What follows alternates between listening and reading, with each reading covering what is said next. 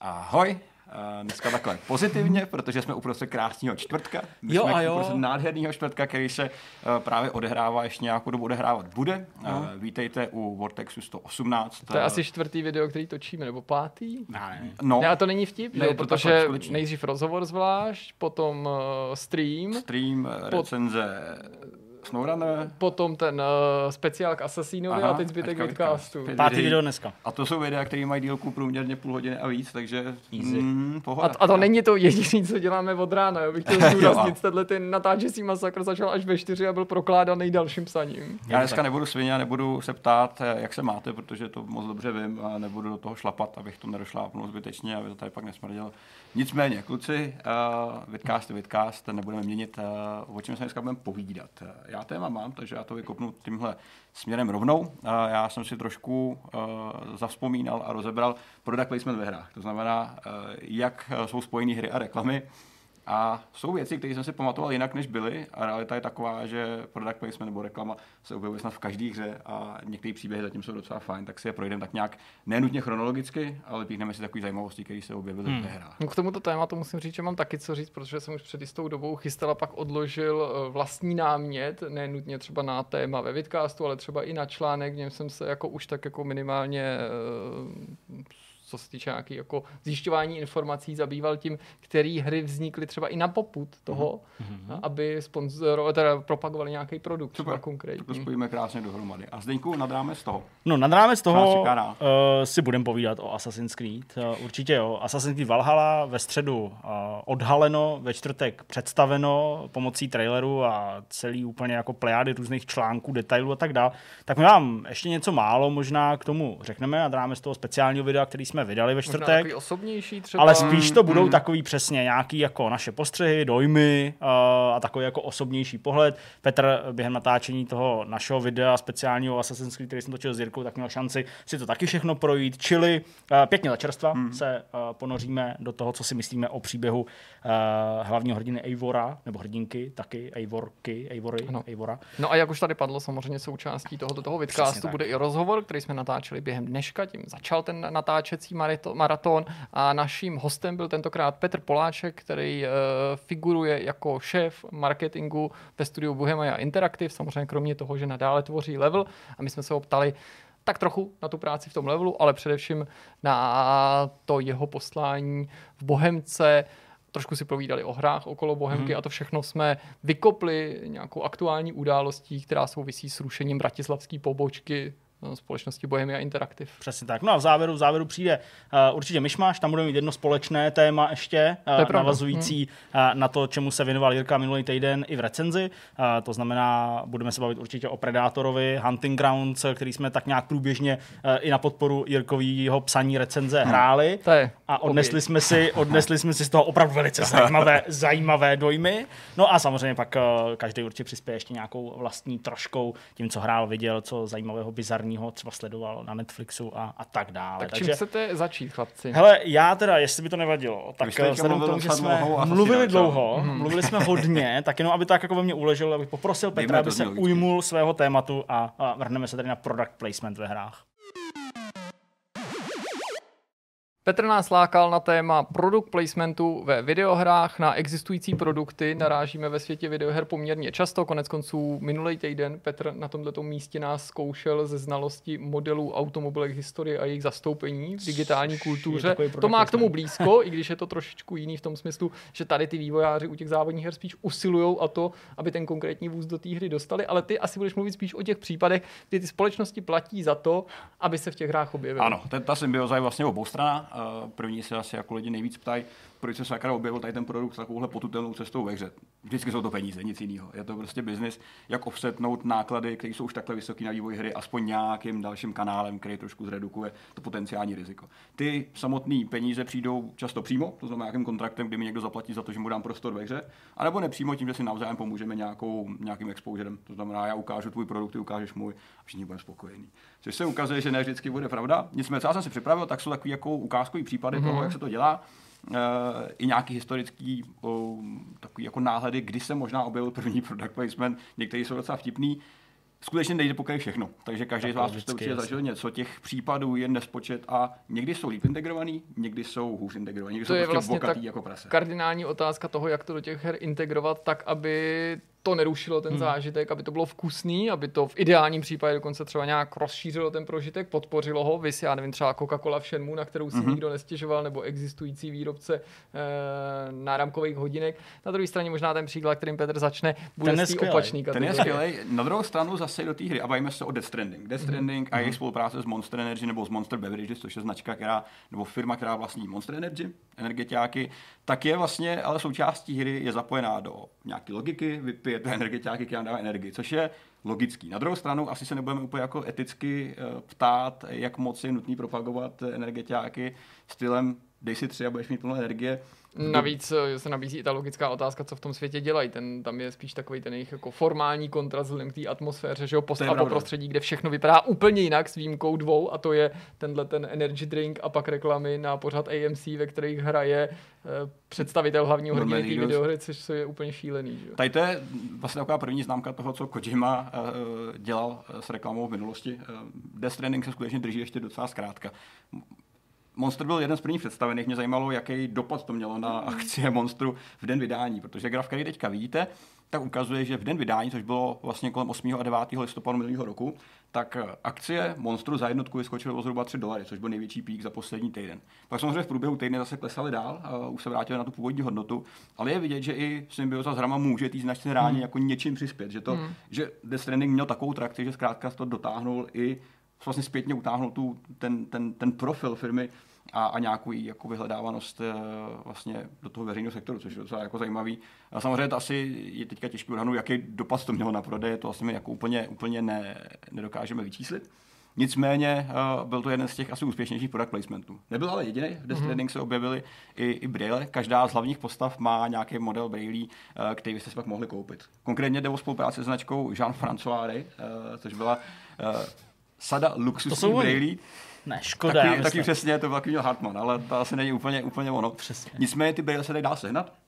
Bavíme se o ceně zhruba 200, 200 euro vejš za kus. Mm-hmm. A skutečně vychází z designu těch, kteří byli ve hře a byli od začátku plánovaný. To znamená, že to nebylo jen tak, že někdo přišel v průběhu vývoje a řekl si, hele, uh, my tady máme nějaký brýle, nechtěli byste dát do hry. Co se ukazuje, tak podle všeho... tak přesně. Sám Hideo Kojima si určuje, uh, co bude v té hře za produkt. On sám to dokonce vyhledává. A Tohle je první pokus. Já tak mu kážu... se vyzná, konec konců on i sám, on sám se, se, jednak je nosí, objevil se třeba v Metal Gearu, že, k tomu, v tom prologu k té pětce, tam byly ty brýle taky velmi výrazný, reflektovalo to brýle, který v tu dobu nosil samozřejmě. To, co uvidíte dál, je jako Death Stranding bylo nic proti tomu, co dělal s Metal Gear, značkou, kdy se objevoval product placement všech možných směrů a mhm. stylů. Mm-hmm. Začneme uh, Metal Gear Solid Portable Ops, uh, eh, PSPčková hra, která odkazovala na japonský magazín ARMS, dokonce listopadový číslo, to znamená konkrétně to číslo ve stejném měsíci, kdy hra vycházela. Je to mm. japonský magazín, který vychází samozřejmě z toho, že prezentuje zbraně, ale nejenom reální střelné zbraně, i, i, i dětské zbraně a různé airsoftky a, a, a nervky a takové dobroty. To je pořád dobrý, all good. Nicméně, Peace Walker Peace Walker ve své japonské verzi úplně ulítnul. To se utrhnul z řetězu, pokud jde o product placement a produkty ve ani nepamatuju. Teda, a ono se to do Evropy a do Ameriky nedostalo. Chápu, Skutečně tohle jako, to bylo jako jenom, tohle to bylo jenom jako uh, specifický pro japonský trh, veškerý stopy pak byly zahlazený. Mm. Ale ta plejada firm, který se uh, na vtip, uh, což nebo obhájí, že to je vtip, že se dělá, a teď se vlastně tvůrci dělali srandu z product placementu, ale nedělali, protože oni to skutečně udělali. a, a dostali se jim zaplacené. si ty firmy, ale mysleli si to jako to, ve vtipu. Ha, ha, ha. My jsme to přehnali takovým způsobem, že, že máme spoustu peněz a nevíme, co s nimi. Těch firm bylo hnedka několik. Vy vidíte Axe, uh, Doritos, kdy jste dokonce nacházeli pytle Doritos eh, v environmentu až dali jste je postavit sobě jako, jako krmení, že jo? Nejvíc ulítl Mountain Dew, uh, limonády oblíbený, který tady jako takový ty, že hrozný nukleární zelený blbosti, který svítí přes ten obal, tak ta symbioza byla obou stran. Nejenom, že vývojáři eh, do hry umístili jejich produkty, ale i samotní výrobci těch věcí pak eh, rozšiřovali svoje, svoje vlastní že, limitované edice eh, nápojů, na kterých byly kódy. To znamená, když jste si hráli Doritos a vypili jste k tomu půl litru Mountain Dew, tak jste dostali kód, jehož výměnou jste dostali pak tričko ve hře. je to jenom jedna z mála... Zlato. Je zlato, přesně. Bon Curry, legendární značka japonského karídla, vznikla v roce 58 Taky se objevila japonský verze ve smyslu té kravice, která je úplně jako jedna jako jedna naskenovaná, co je model do hry. Uh, když pojem dál, Hory, výrobce periferií i dneska fungují, i dneska mm-hmm. se dají koupit Yes, jo, eh, další věci, tak eh, když jste si koupili samozřejmě obal na PSP, tak jste mohli dostat i kód na, na skin eh, do samotné hry. Tričko zase nějaký. Hele, je to bizár, je to úplně neuvěřitelný, kolik se toho vlastně rozšířilo, protože uh, to, to byla série třeba pěti nebo šesti různých firm, které do toho museli nasypat strašně moc peněz a podpory. Že to byl nejenom jako interní marketing eh, v rámci nějakých jako jednoduchých asetů, ale i produkty, které byly mimo tu hru samotnou. Hmm. A skutečně se ukazuje, že uh, jakoby do jistý míry jsem si myslel, že Kojima si vybírá věci, které má rád. A tohle je prostě jako plejáda velkých značek, který byl navíc jako jenom pro japonský trh. A pokud mi jako něco říká Instinct, tak Doritos, Mountain Dew jsou všechno jako, jako americké věci, víš? Tam by to spíš fungovalo než nutně v Japonsku. Tak možná jako v tom, je to tam populární. Možná, byla prostě. jako, možná to bylo i zpětně, jako snažit se penetrovat ten trh naopak jako z Ameriky uh, na východ. Uh, Metal Gear Solid 3, Snake Eater, uh, celou dobu se samozřejmě nacházíte někde v džungli odložený, tak jedním z, ze sponzorů s product placementem byl, byl právě Calorie Mate, což byla taková jako energetická kostka. Je to vlastně jako skondenzovaný žrádlo do, do nejsou to žvejkačky, není to ani nějaký jako energetický pokrm, je to prostě jenom jako MRE, v podstatě jako strava. To, to, je tak ale nenápadný, že by si ani nemusel uvědomit, pokud Přesně tak. výrobek nezná, že to je něco skutečného. Navíc nejsem si jistý, jestli to zapadá do toho období, že jo, protože Snake Eater je situovaný někam do 60. let. Já jsem to hledal. Uh, Calorie Mate vznikl v roce 83, to znamená, že tam jakoby nesedí mm-hmm. uh, ani, Historicky, ani jasně. historicky. Mm. Jo, je to prostě jako na tvrdáka narvaný. Na druhou stranu to samotné balení je natolik jako neutrální a bezpohlavní, že asi nemáš úplně důvod to spochybňovat nebo to řešit. Ale když se člověk tak jako zakopal víc do těch věcí, tak zjistil, že tam se odehrává strašně moc, strašně moc malinkých detailů. Uh, Metal Gear Solid 4, konkrétně iPod, o tom víme, který sloužil skutečně jako iPod, mohl se přehrát hudbu a ovládal se jako iPod, uh, ten byl uh, celkem, celkem fajn. Energy Pětce drink. to pak byl Walkman, že jo? Pak to byl Walkman, přesně tak, ten, ten rozšířil tímhle způsobem. Regain 24, zase energy drink z Japonska, velmi oblíbený, tam si to chlastal prostě po, po litrech. A mm, Playboy, další magazín, který se objevil, největší specialita, kterou ale Jo. vytvořili, tak byl ve spolupráci s Triumfem, uh, s motocyklama britskýma. To byl ten, ten model, který vzniknul specificky uh, pro Metal Gear Solid 4. Mm jako panov motorka, speciálka, která se prodávala a před čtyřma rokama se prodala na eBay za 10 000 doláčů, což, což jakoby není moc, ale je to důkaz toho, jak daleko můžeš zajít s propagací hry. Samozřejmě tou dobou už Metal Gear Solid byl dostatečně známý a silný na to, aby i takováhle věc prostě si našla svého kupce a dokázala se udat. V tom CGI filmečku Resident Evil Vendetta taky figuruje nějaká licencovaná motorka. Pamatuju si, že to jako kolem toho dělali docela velký halo. Ne, netvrdím, že to byla motorka, která vznikla mm-hmm. pro potřeby tohohle toho filmu. To je asi nějaký jako existující kus od nějakého existujícího výrobce, nebo který jehož název si už nepamatuju. Ale vím, že ten film se představoval úplně poprvé vlastně skrz tu motorku a na ní sedícího prostě, já nevím, kdo to byl tehdy, Leon nebo Chris, Aha, prostě aha, někdo Chris, z těch myslím. postav, která se objevila v tom v té vendetě. Jo. Ono je fakt jako fascinující, jak, jak moc se to dá propojit a naopak oznamovat hru nebo projekt eh, ze světa her pomocí existujícího produktu a nesouvisející firmy může být pro spoustu lidí vlastně jako děsivý, ale očividně to funguje. Z Japonska nepůjdeme daleko a vrátíme se k Final Fantasy. Aha, jasně. Final Fantasy 15 v poslední době Coleman, byla no jedna jo. uh, z nejvíc propagovaných uh, veřejných značek skrz právě uh, stanový vybavení Coleman, který se objevuje Jo, jo, co pamatuju. židlema, stan, tam- dokonce i nářadí k tomu dostaneš. Tam to bylo, že jo, podtržený eh, tou mechanikou, že jo, tím, že jsi prostě mohl trip přesně. a- Ale zase druhou stranu je to fikční svět, takže tady mi to možná ještě vadí víc než jako v těch realistických. Mě na tom, mě na tom neuráží přesně to, že, že mi někdo cpe nějakou značku, s ním jsem úplně v pohodě, ale že se přesně mixují jakoby neexistující vesmíry, nebo jeden existující a druhý. Já jsem takový purista v tomhle ohledu. No nemělo si by se to jako- protínat, nebo jako jaká je jako historie té firmy v tom světě, nebo v tomhle vesmíru, Nulová, co tam, no. Co tam dělá, proč tam je. Není vysvětlená, to je přesně ono. Vysvětlení nejsou ani hadry. Uh, všechno oblečení, které bylo navržené, tak vzniklo na poput uh, vlastně japonský, japonský uh, oděvní firmy Rowan. Je to, je to jako luxusní butiková věc. A představ si, že Pojďme to natočit Jirka, příští vidcast v tomhle, přesně. má Jirka a z něj bude mít tu, tady tu prostřední, tu Já bych chtěl mít tady tu vesničku. Proč košili. mám Tak kalhoty jo, do zvonu? Ty máš dlouhý nohy. Jo, takhle, aha. A já budu mít tady tu pašáckou vlevo. Mně se líbí, že i tady jsou ty ponožky jako design. Jo, to by si vlastně bílý poličky Co to za- přesně je? zaprasený do černých bod kožených.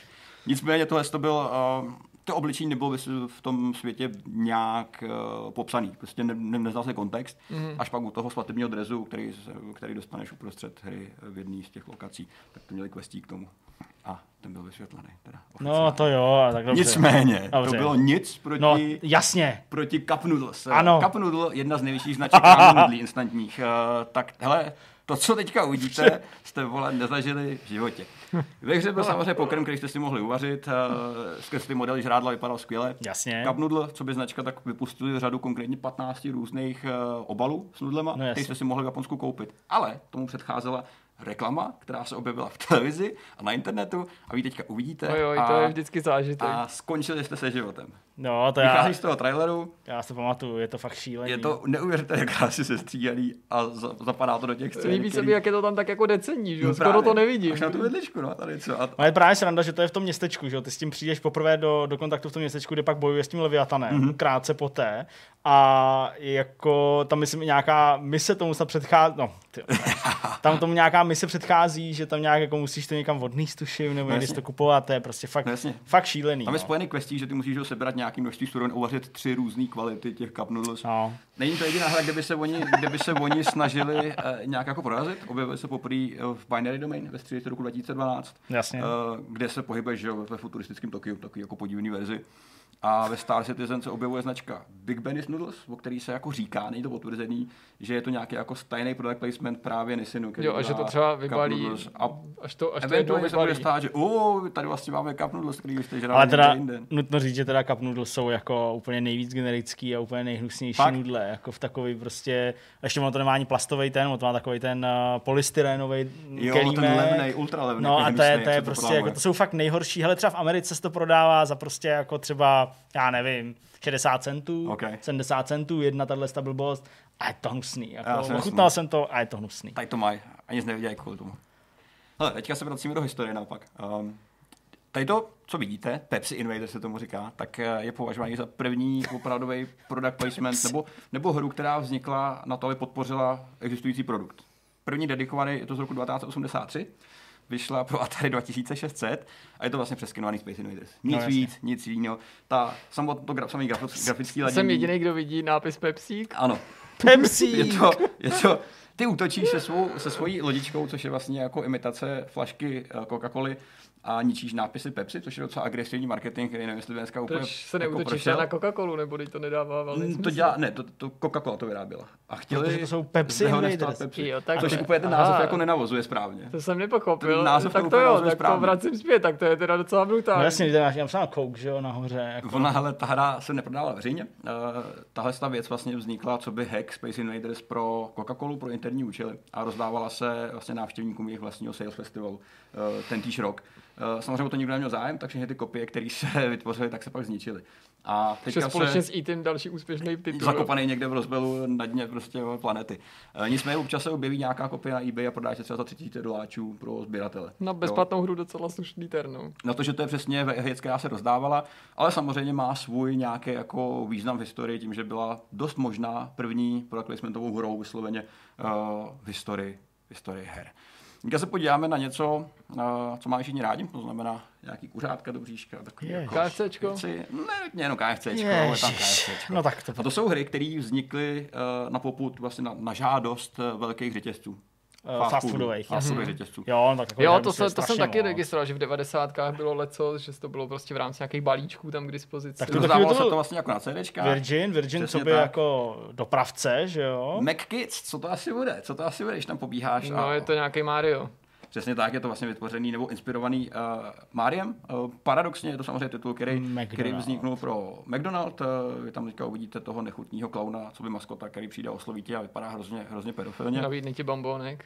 Je to, je to vlastně inspirovaný přesně Mariem. Byla tam řada ku podivu jako inovativních mechanismů ve smyslu třeba přepínání gravitace a, a podobně, což Mhm. jako je místo, kde bych nečekal, že se bude inovovat v téhle To sféře. ukradli Black Hole.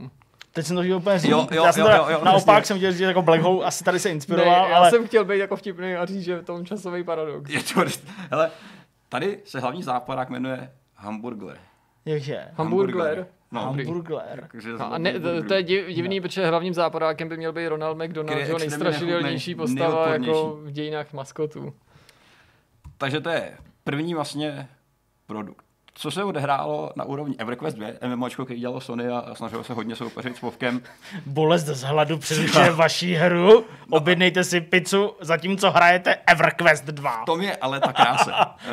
Eh, vy jste si mohli, skutečně v rámci updateu a téhle spolupráce byl do hry přidaný příkaz uh, lomítko Jo, ale pizza. za hry to je dobrý. A když to podpořil do hry, tak ti to rovnou odhodil na, na stránku Pizza Hutu a ty si mohl být na pizzu do to domů, anebo se si odcházet ze hry. To to byla celá ta premisa, je to úplná samozřejmě, to je bullshit, ale měl to být jako nějaký uh, náznak toho, jak by šlo třeba využít uh, chatovací roomy v MMOčkách dál. Ten záměr byl hlubší v tom, že, že člověk skutečně by si mohl třeba objednat věci tímhle způsobem takhle rychle. Bych chtěl jsem si myslel, že řekneš něco jako k čemu by šel využívat internet, že by třeba místo hraní videoher si mohl objednat jídlo. vize mnohem větší. Lomítko, hlad dostaneš najíst. Hele, jako tím způsobem to vlastně funguje. Pizza to nezvládnou, nicméně to, co uvidíte teďka, tak je vrchol hnusu. Eh, Burger King samozřejmě taky se podělil na těchto věcech velmi rád a eh, nechal se vytvořit titul Sneak King, který spočívá v tom, že ty, co by maskot Burger Kingu, což je jako ten král, mm-hmm. který je překvapivě teda hnusný v té hře, nebo nejenom ve hře, Ano. tak se musíš plížit za lidma a sledovat ty, který mají hlad. A když mají hlad, tak tě nesmí a musíš jim dát Whopper, ten jejich burger. Proč? Ale vidíš to, to vypadá jak postel v podstatě spíš, než jako, No než, jasně, než je jako Sneak. King. A, a hraje se, ano, jo, to fakt Ježiš. vypadá prostě jako extrémně strašidelně a extrémně Jo, to dělají Running with Scissors, no, to vidím. Jo, jo, jo, Přesně to jsou. a bude tam ještě někdo, někdo, někdo, mhm. no hele, je to Ježiši. prostě jako neuvěřitelný bizár, jo. jakože už bylo hra divný. prostě. Samozřejmě to bylo období, kdy, kdy spousta her vycházela na Xbox Live, eh, co by malých arkádovek, mm-hmm. protože tehdy už vlastně byly nějaký snažší, nebo snažší možnosti, jak se dostat s digitální hrou eh, na síť, už ty mm, podmínky a restrikce nebyly tak šílený. Takže tohle to bylo přesně jako území, jak do toho docílit a jak vlastně vydávat hry. No, to si pamatuju, že to byly první nějaký kousky, co se mezi Life Arcade objevily úplně zdarma. Další v řadě uh, je Doritos, což je oblíbená značka uh, chipsů. Ne u nás teda, v Americe To byl nějaký trošku- ten dinosaurus, že jo? To byl přesně ten To jsem hrál. Distraction. Uh, hra, která paradoxně nebyla vyvinutá na poput eh, firmy, naopak oni si nechali dokonce ten nápad a, a nějaký prototyp outsourcovat. Což je o to bizarnější, že máš uh, na zádech tady ten megakorporát, který vlastně vydělává spoustu peněz a řekneš si, hele lidi, vy máte třeba něco, co byste mohli udělat pro nás, jako nějakou hru. No, já jenom uh, dodám, že já jsem si vždycky myslel, že Doritos jsou chipsy a i s tím jsem se je kupoval, ale Aha. Doritos jsou vlastně jako nachos, takový ty kukuřiční. jo, sorry, načas, ano. Uh, ne, ne, o to nejde, ale jenom, že já jsem byl to strašně zklamaný, když jsem si Když to koupil, dostal, jo. když jsem si koupil prostě Doritos, říkám, jo, ty tak to bude jako lejsk, jako, takový jako lepší, američtější. A pak to byly hnusný, prostě blbý to Doritos. se nedáš rád Teda samotný, jako je to hlavně odporný, že Musíš Ta tam hra- ten dip, no. Ta hra samotná, ta by taky potřeba nějaký dip, To který taky by tomu trošku pomohl. Co to je za dinosaur? Ale, Ale já z toho mám nějaký jo, protože to bylo přesně ta doba prvních těch live arcade her No a prostě šel si jak slepice po flusu to po všem. No jasně jsem Tehdy to hrál. ten důvod, proč tady to každý dělal, bylo, že to bylo snadný vydávat. Jakože udělat blbou malou hru bylo jako jednoduchý, ale vydat to bylo ještě jednodušší. A proto to prostě bylo žině pro každého, kdo si myslel, že podpoří svůj biznis vlastní hrou.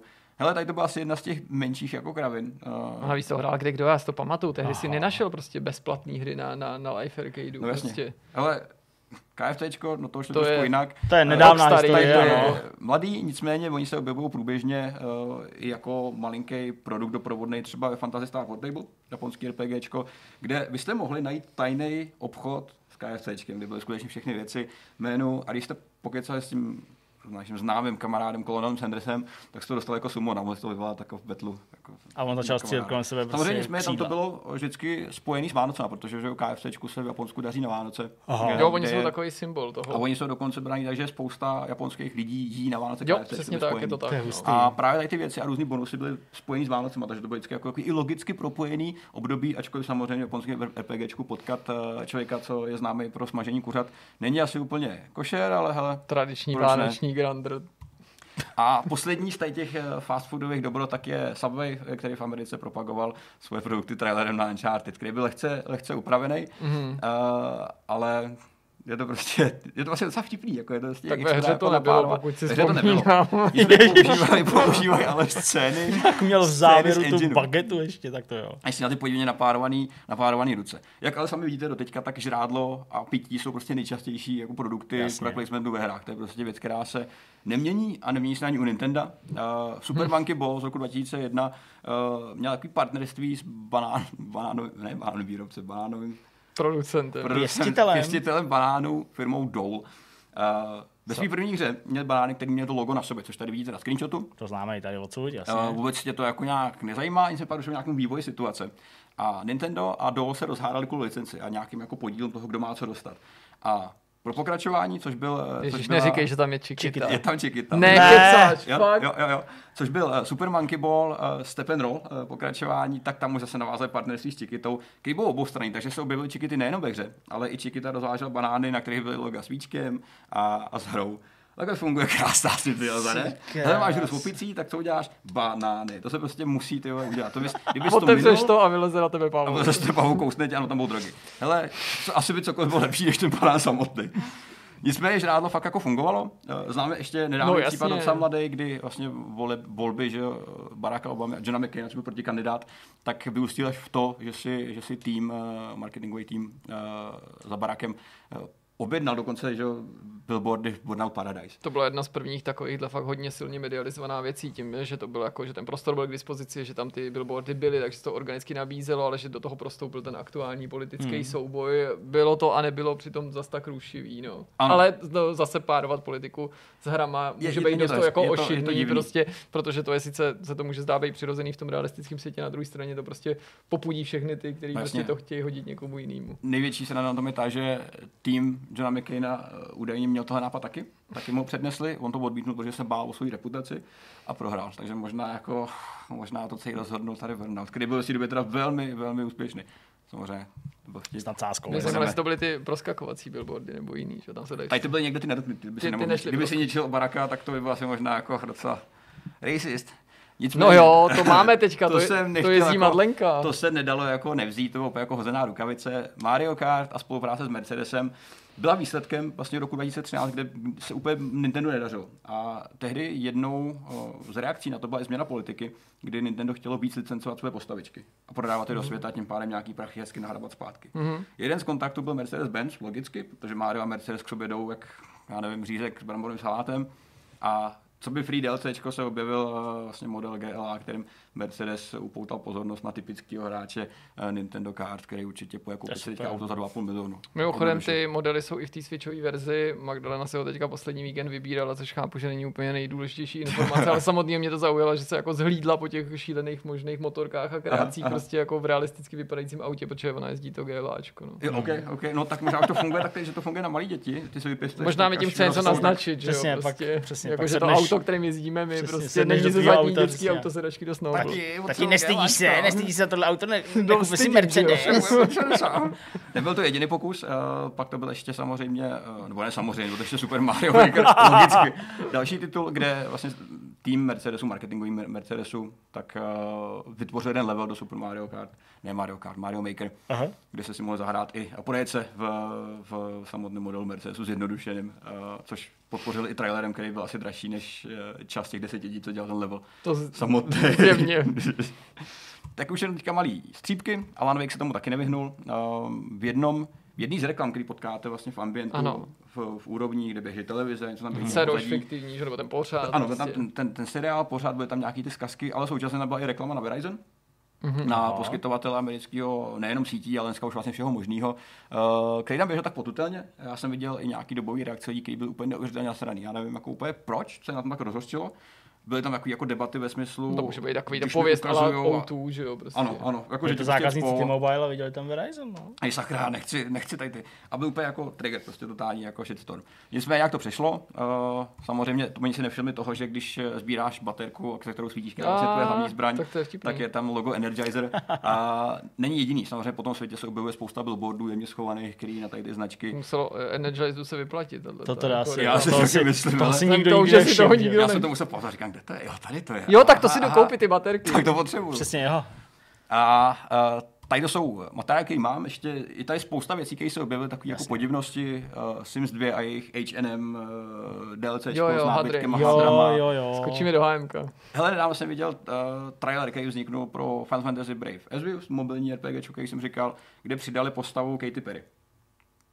Jo, co by do RPGčka, co by hratelnou postavu, kterou můžeš hrát. Okay. K ní udělali mega trailer, který mu se stál úplně neuvěřitelný randál. Speciální šaty pro Katy Perry, který můžeš odemknout ve hře.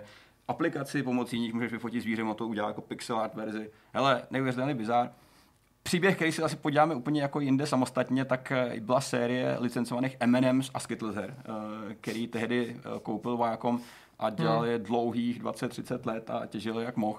Nicméně to už se dneska nerveme, to si necháme někdy, někdy na příště. Ale je to jenom jako malý vzorek toho, co se dělá. Prostě. Jak moc často ani jako neskrývaně ty rekamy jsou zaintegrovaný do her a někdy víc úplně debilně. Kdyby to bylo hmm. vlastně jako logicky zapojený, tak to vlastně nevadí. A možná hmm. i to je ten důvod, proč si lidi u Final Fantasy nebo u Death Stranding to nestěžují. To je prostě nějak součástí toho gameplay a člověk to možná občas vybočuje z toho světa. Hmm tak to prostě tolik nepřekáží. Já mám dva příklady, které bych mm-hmm. mohl zmínit a třeba i tak jako sám sebe motivovat k tomu, abych na tom tématu zapracoval, když ho zařadíme do vidcastu nebo vznikne ve video nebo v textové podobě a to jsou uh, éra 90 plošinovek, které vznikly na popud výrobce nějaký potravinářské firmy a nebo mm-hmm. s ním byly úzce spojený a dva z nejkřiklavějších případů podle mě v rámci těch plošinovek jsou hry Zool, hmm. který eh, měli partnerství s lízátkama Chupa Chups. Mm-hmm. Jeden ten svět byl celý těma Chupa Chups inspirovaný a celkově to bylo Chupa Chups prostě propojený.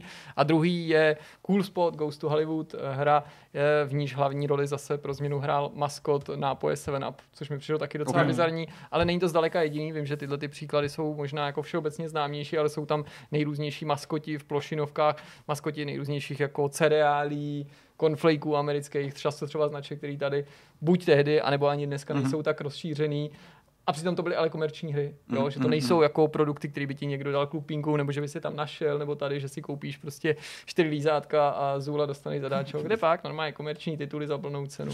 Hmm. Okay. Tak já jakožto takový jako uh, vášnivý nadšenec do sportovních her, že se prostě s product placementem stýkám ve všech FIFA, ale vlastně je to úplně OK. Mm. Jo? Vlastně je to skoro žádoucí, aby to tam bylo. Ty, Když třeba na Xboxu vidíš reklamu na PlayStation 3, že jo, během ligy ano, mistrů. během ligy mistrů dost vtipný, ano, přesně tak takže i to se, to se může dít. Každopádně, jo, super téma, Petře, moc díky, já myslím, že to lidem zase bude líbit, protože uh, tyhle ty, přesně, ještě aby ne, tyhle ty, tyhle ty uh, výlety, uh, výlety do, do bizarních částí v zásadě uh, herního spektra jsou vždycky super, takže díky, super téma a my jdeme dál, my jdeme na Assassina.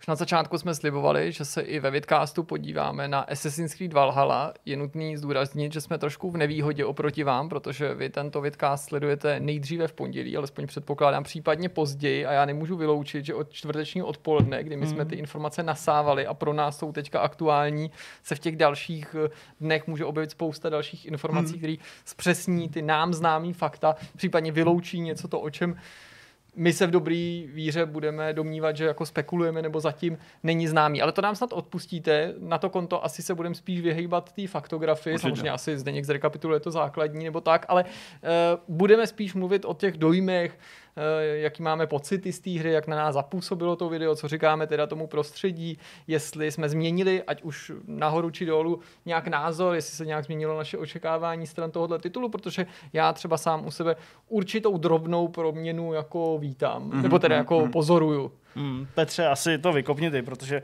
říkám, my jsme tady o tom s Jirkou mluvili docela uh, obsáhle, tak uh, Jaký to v tobě vyvolává pocity? Já vím, že pocity jsou takové jako věci, ke kterým se drsný chlapy neradi úplně uchylují. Přesně to já nemám. Pocity ale neznám. přesně, nemá, nemám čas krvět to, to, trochu před, to, to, to, trochu předbíhá. ale při té skrytý čepeli si prostě plakal. Jo, jo, jo. No tak eh, ne, co asi, asi, zásadní to dějiště, že, který je podle mě jako to nejradikálnější teďka, ta změna, no, kterou no. lidi volali spolu s Japonskem asi, asi nejvíc, jako jedno, jednou, jednou z mnoha. Já vlastně nevím úplně, jako, jak, si to, jak si to vyložit. Jako já teďka, když se řekne vikingové ve spojení s Assassinem, tak jediný, co si, nebo ne jediný, a to první, co si představím, tak je ta kolosální gigantická mapa a nějaký design. To znamená, jako jak dokážou přesně dál zpracovat mm ten vikingský setting do toho šíleného megaprostoru. My víme, že to dokážou, protože už Odyssey i Origins jako dokázali velmi dobře pokryt nějaký historický fakta spojený jako s lehkým dramatem, že jako byly velmi dobře spjatý. víc Odyssey je obrovská mapa, velký kus prostě středomoří, spousta těch ostrovů, ty ostrovy sami, ostrovy sami o sobě jsou prostě mnohdy gigantický. Pokrývají vlastně mnohem víc jako ty historie, než by reálně museli, že jako v tom všem. No, na druhou stranu, co dál jako, jako říct k tomu všemu, co víme. No. Hlavní postava, eh, která zatím působí ještě pořád bezpohlavně. Eh, víme, že to je zase další zásadní eh, člen nějakého velkého dějiště, o kterém víme, že se bude opírat teda o tu asasinskou historii. Otázka, jak moc.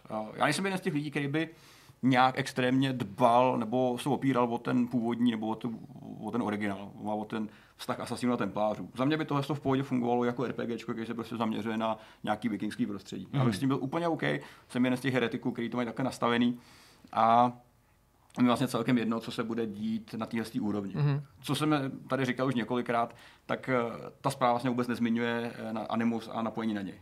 Předpokládám.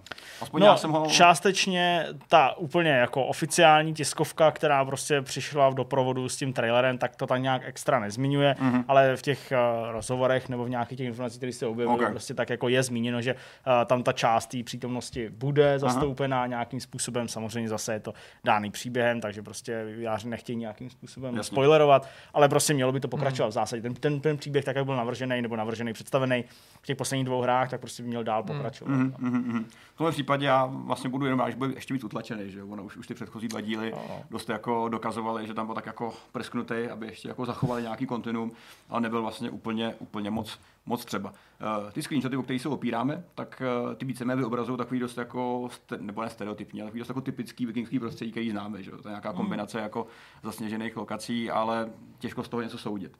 Uh, to rozšíření, to, to slibuje mnohem víc věcí. Že? Jako, Jirko, na jaký velký ploše se to vlastně teda odehrává? Protože my jsme bavíme o, o anglických ostrovech, předpokládám, mm. Ano, a Norsku. části Norska nebo Což teda-. Uvidíme, kolik tam té Skandinávie skutečně bude Já a co si pod jako- tím pojmem Skandinávie Právě, taky já- autoři představují. Nejsem že jako dějepisný jako specialista, ale když si vezmeme, tak minimálně tady to celé území samo o sobě jako slibuje určitou jako diverzitu v tom designu mm. i vizuálním jako že, jo, toho světa. Určitě jo, já jsem tady třeba zmiňoval, když uh, vlastně Boss Logic ve středu kreslil ten artwork a potvrdilo se teda, že uh, to zasazení bude tohle, to znamená vikingský a, a saský a tak dál, tak uh, jsem vlastně říkal, že to jako vítám, už jenom z toho důvodu, že se vlastně přesuneme z poměrně jako vyprahlýho hmm. a jako jednolitýho Řecka, předtím v zásadě ještě Egyptu, jo, na poušti někde, i když samozřejmě chápu Egypt prostě uh, hodně barevný ve smyslu těch budov a tak dále, i to Řecko ostatně. Tak tam je zase víc té zeleně, ale já chápu, na co ale- ale... že to prostě blízký antický prostředí, Aha, přesně, jo, přesně. horký prostředí. Tak, tak, a suší. že se jako z tohohle z toho suši, z, sušího uh, prostředí, který prostě má jako ty tendence se prostě stáčet k nějaký jako vyprahlý krajině, uh, podíváme na něco, co je jako hmm. takový jako šťavnatý, takový čerstvý. Uh, já mám tu Anglii rád, prostě obecně Skotsko a tak dál, takže prostě uh, pro mě je to příjemný takovýhle jako návrat uh, do našeho podnebného pásu a na to se těším už jenom z tohohle důvodu, jo, že prostě ta hra bude třeba víc zelenější, jo, v zásadě. Takže uh, to je samozřejmě něco, co mě jako těší, nicméně abych to tak nějak doplnil, tak uh, v tom Norsku bychom měli začít z Norska, eh, sužovaného válkama, který prostě už nedávají některým klanům žádný smysl, tak se přesuneme do té Anglie. Uh, Anglii nebudeme jenom plenit, ale budeme tam chtít zároveň jako žít, takže uh, Eivor, tedy hlavní hrdina nebo hrdinka, uh, tam s tím svým klanem založí prostě nějakou osadu. No a eh, podle vyjádření vývářů se bude moct vrátit zpátky do toho Norska v nějaký moment, nebo možná eh, se vracet prostě na základě našeho nějakého jako eh, přání, něco tam plnit, něco tam dělat, ale většina se prostě bude odehrávat v té Anglii podle toho, jak to prostě výváři podávají. Já jsem zvědavý na to prostředí z toho důvodu, že Zdeněk ví, že jsem byl jako trochu skeptický vůči té vikingský láce, ale to neznamená, že bych podceňoval její komerční potenciál nebo její zajímavost pro Jasně. hráče a obecně spotřebitele. Ale prostě čistě subjektivně jsem říkal, hele Zdeňku, částečně je to tím, že jak se o tom ty celý měsíce, rok mluví, tak um, jsem tím trochu vyčerpaný. Jenom tím samotným mluvením, to je nefér vůči té hře, ale já tady teďka nemluvím o tom, co je fér, o tom prostě, jaký Jasně. jsou mý pocity. Uh, nemám vlastně rád, když se objeví ve hrách, ale i třeba ve filmech nebo v komiksech nějaký trend a ten pak uh, vývojáři nebo obecně tvůrci následují. Tím vůbec nechci říct, že Assassin a priori opisuje o třeba God of War, jo, takovou, jako nechci dělat takovouhle jako zkratku, mm. ale chci tím jenom říct, že dost často se stane zombie nebo nějaké jako období nebo nějaký typ hry, že se v tom autoři zhlídnou a teď se to začne objevovat častěji a to vlastně pro mě zabíjí určitou pestrost. Já samozřejmě, že mám rád nejrůznější období, bylo by asi nošením dříví do lesa, kdybych tady jako se vyznával ze své lásky k historii a, a historie mě jako zajímá komplexně v nejrůznějších obdobích života nebo na základě nejrůznějších podnětů se zajímám o nejrůznější jako části světa v nejrůznější dobu.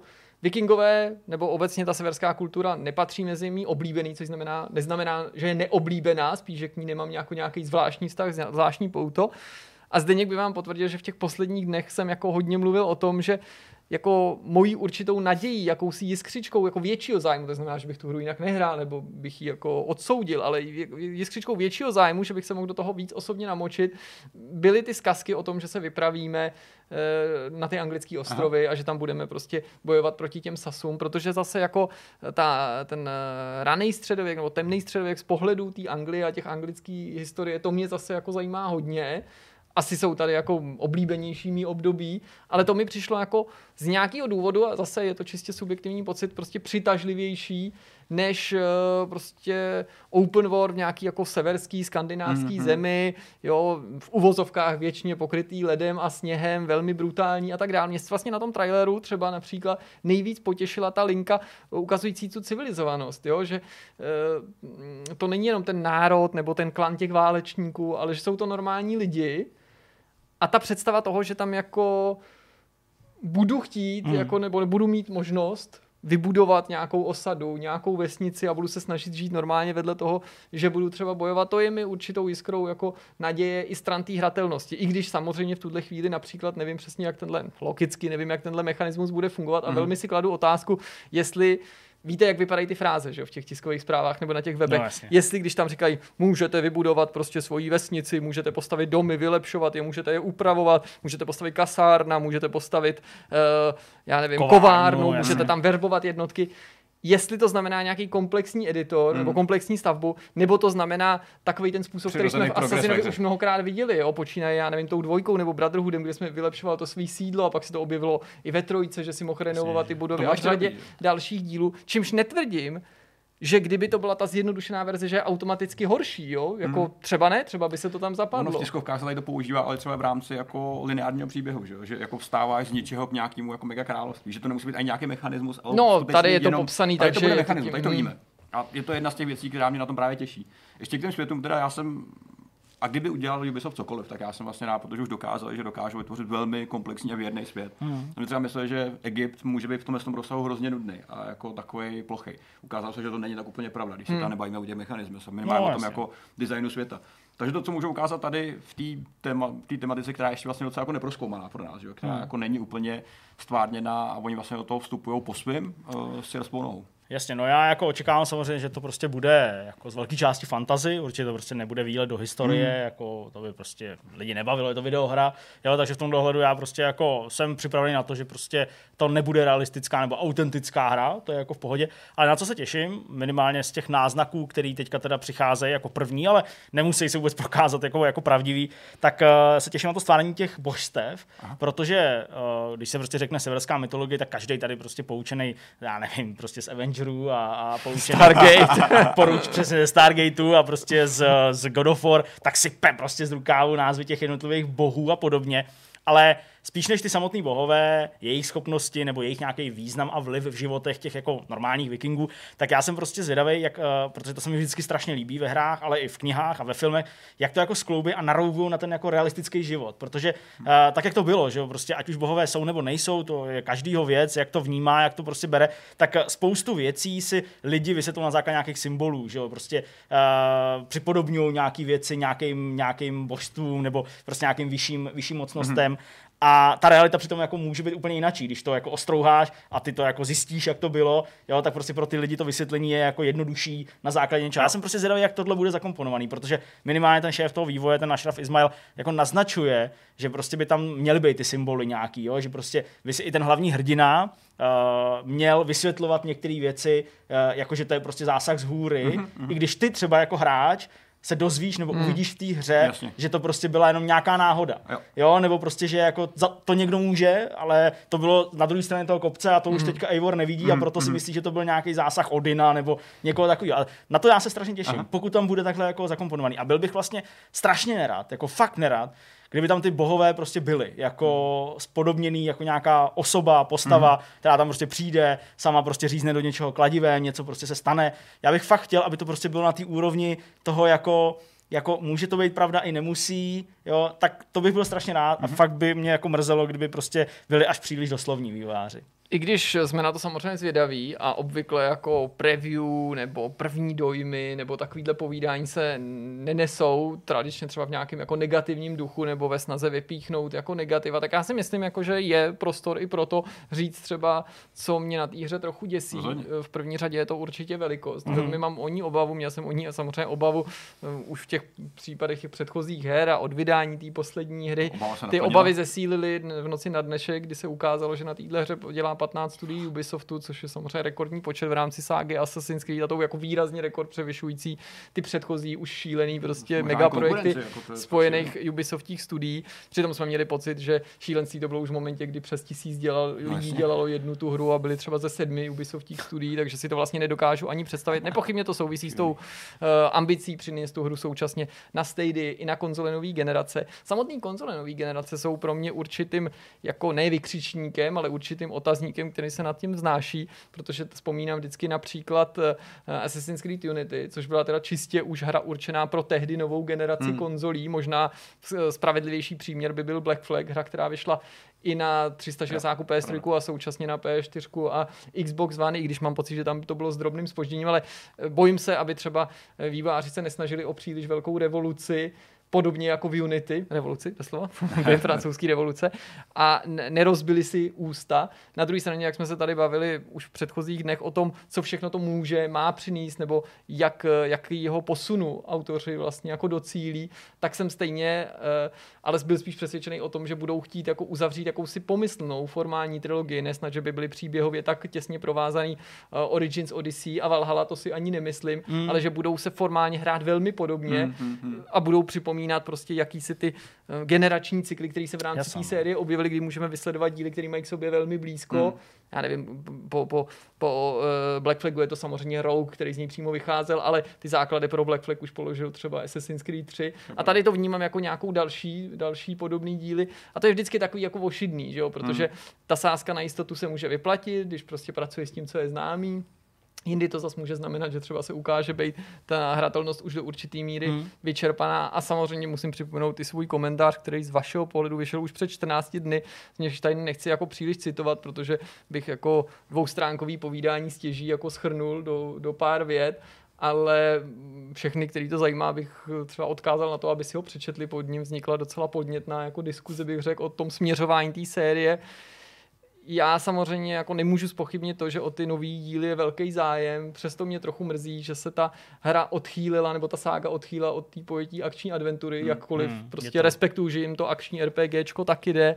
E, a chci na tomhle místě jenom zdůraznit, že to není, nebo ne, to nepramení z nějakými nechutí tu hru hrát, nebo jí dávat čas, nebo nechutí se přizpůsobovat, konec konců evoluce u historické hry, to je něco, co, co jde ruku v ruce a nemůžu to popřít jenom prostě chci říct, že nejsem unavený asasinem tou látkou, ale mrzí mě, že ty moderní dva díly, jakkoliv jsou kvalitníma hrama, hmm. možná už v nich nenacházím takovou atmosféru nebo takový typ hratelnosti, hmm. který jsem nacházel v těch starších hrách, jakkoliv vím, že prostě se tam autoři dopouštěli velkých přešlapů a nejde to udržovat do nekonečna. Hmm. Hmm. Souhlas, eh, já ještě malinko navážu právě tím, co se zdá, zase prostě z těch dosavadních, ale zatím ne úplně moc proskoumaných eh, pramenů, informací, eh, že opravdu chtějí udělat jako posun i ve smyslu té hratelnosti ale teda ne směrem k té uh, Jirkou chtěný akční adventuře, ale eh, ještě dál prohloubit. Prostě to, ten, ten, ten fakt a tu skutečnost, že se prostě jedná o RPGčko, jenom možná vyhovět prostě nějakým určitým přáním, no, tendencím hráčů, uh,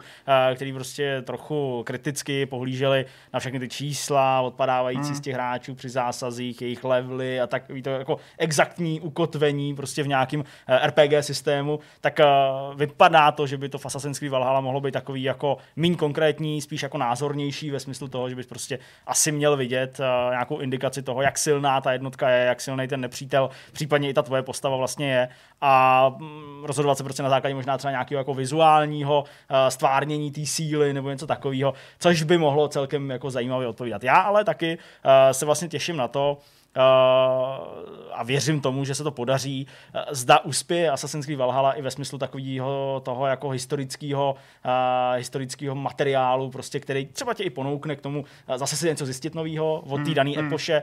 A já teda musím říct, že prostě nad rámec nějakých legend o Artušovi a, a tak dále, já jako nejsem úplně obeznámený s tou, s tou hmm. historií prostě těch Sasů a nějaký tohle 9. 10. století, jako v tom rozhodně nejsem silný, jo? takže uh, mě vlastně dozajímá právě, co mi ta hra nabídne jo, a jak moc zajímavě to bude podaný, tak abych třeba právě se i tomu mohl jako pověnovat. Takže uh, i na tohle jsem zvědavý a vlastně pro mě bude velkou takovou jako neznámou uh, i ta plejáda nějakých těch historických osobností, protože ani ty logicky neznám, že zatímco prostě já nevím, hmm. renesanční umělce prostě zná v zásadě každý, kdo no, dá neprospal. Se na tom tak dobře třeba stavět. Hmm. Přesně, v neprospal hodinách jako, jako dějepisu, tak ano, přesně, tohle je takový jako složitější a proto budu hodně zvědavý, jak, eh, jak pečlivý ten průzkum si výváři udělali a co novýho můžou hmm. vlastně do té jako smyslu... všeobecný, uh, toho všeobecného povědomí prostě přinést. V tomhle smyslu přitom ty poslední dva díly byly jako hodně štědrý, protože hmm, Právě, každý, no. kdo přesně, jak ty říkáš, neprospal hodiny dějepisu, tak antický Řím i antický, teda antický Řecko i antický Egypt nám ano, přinesli prostě obrovskou spoustu postav, který jsme tam buď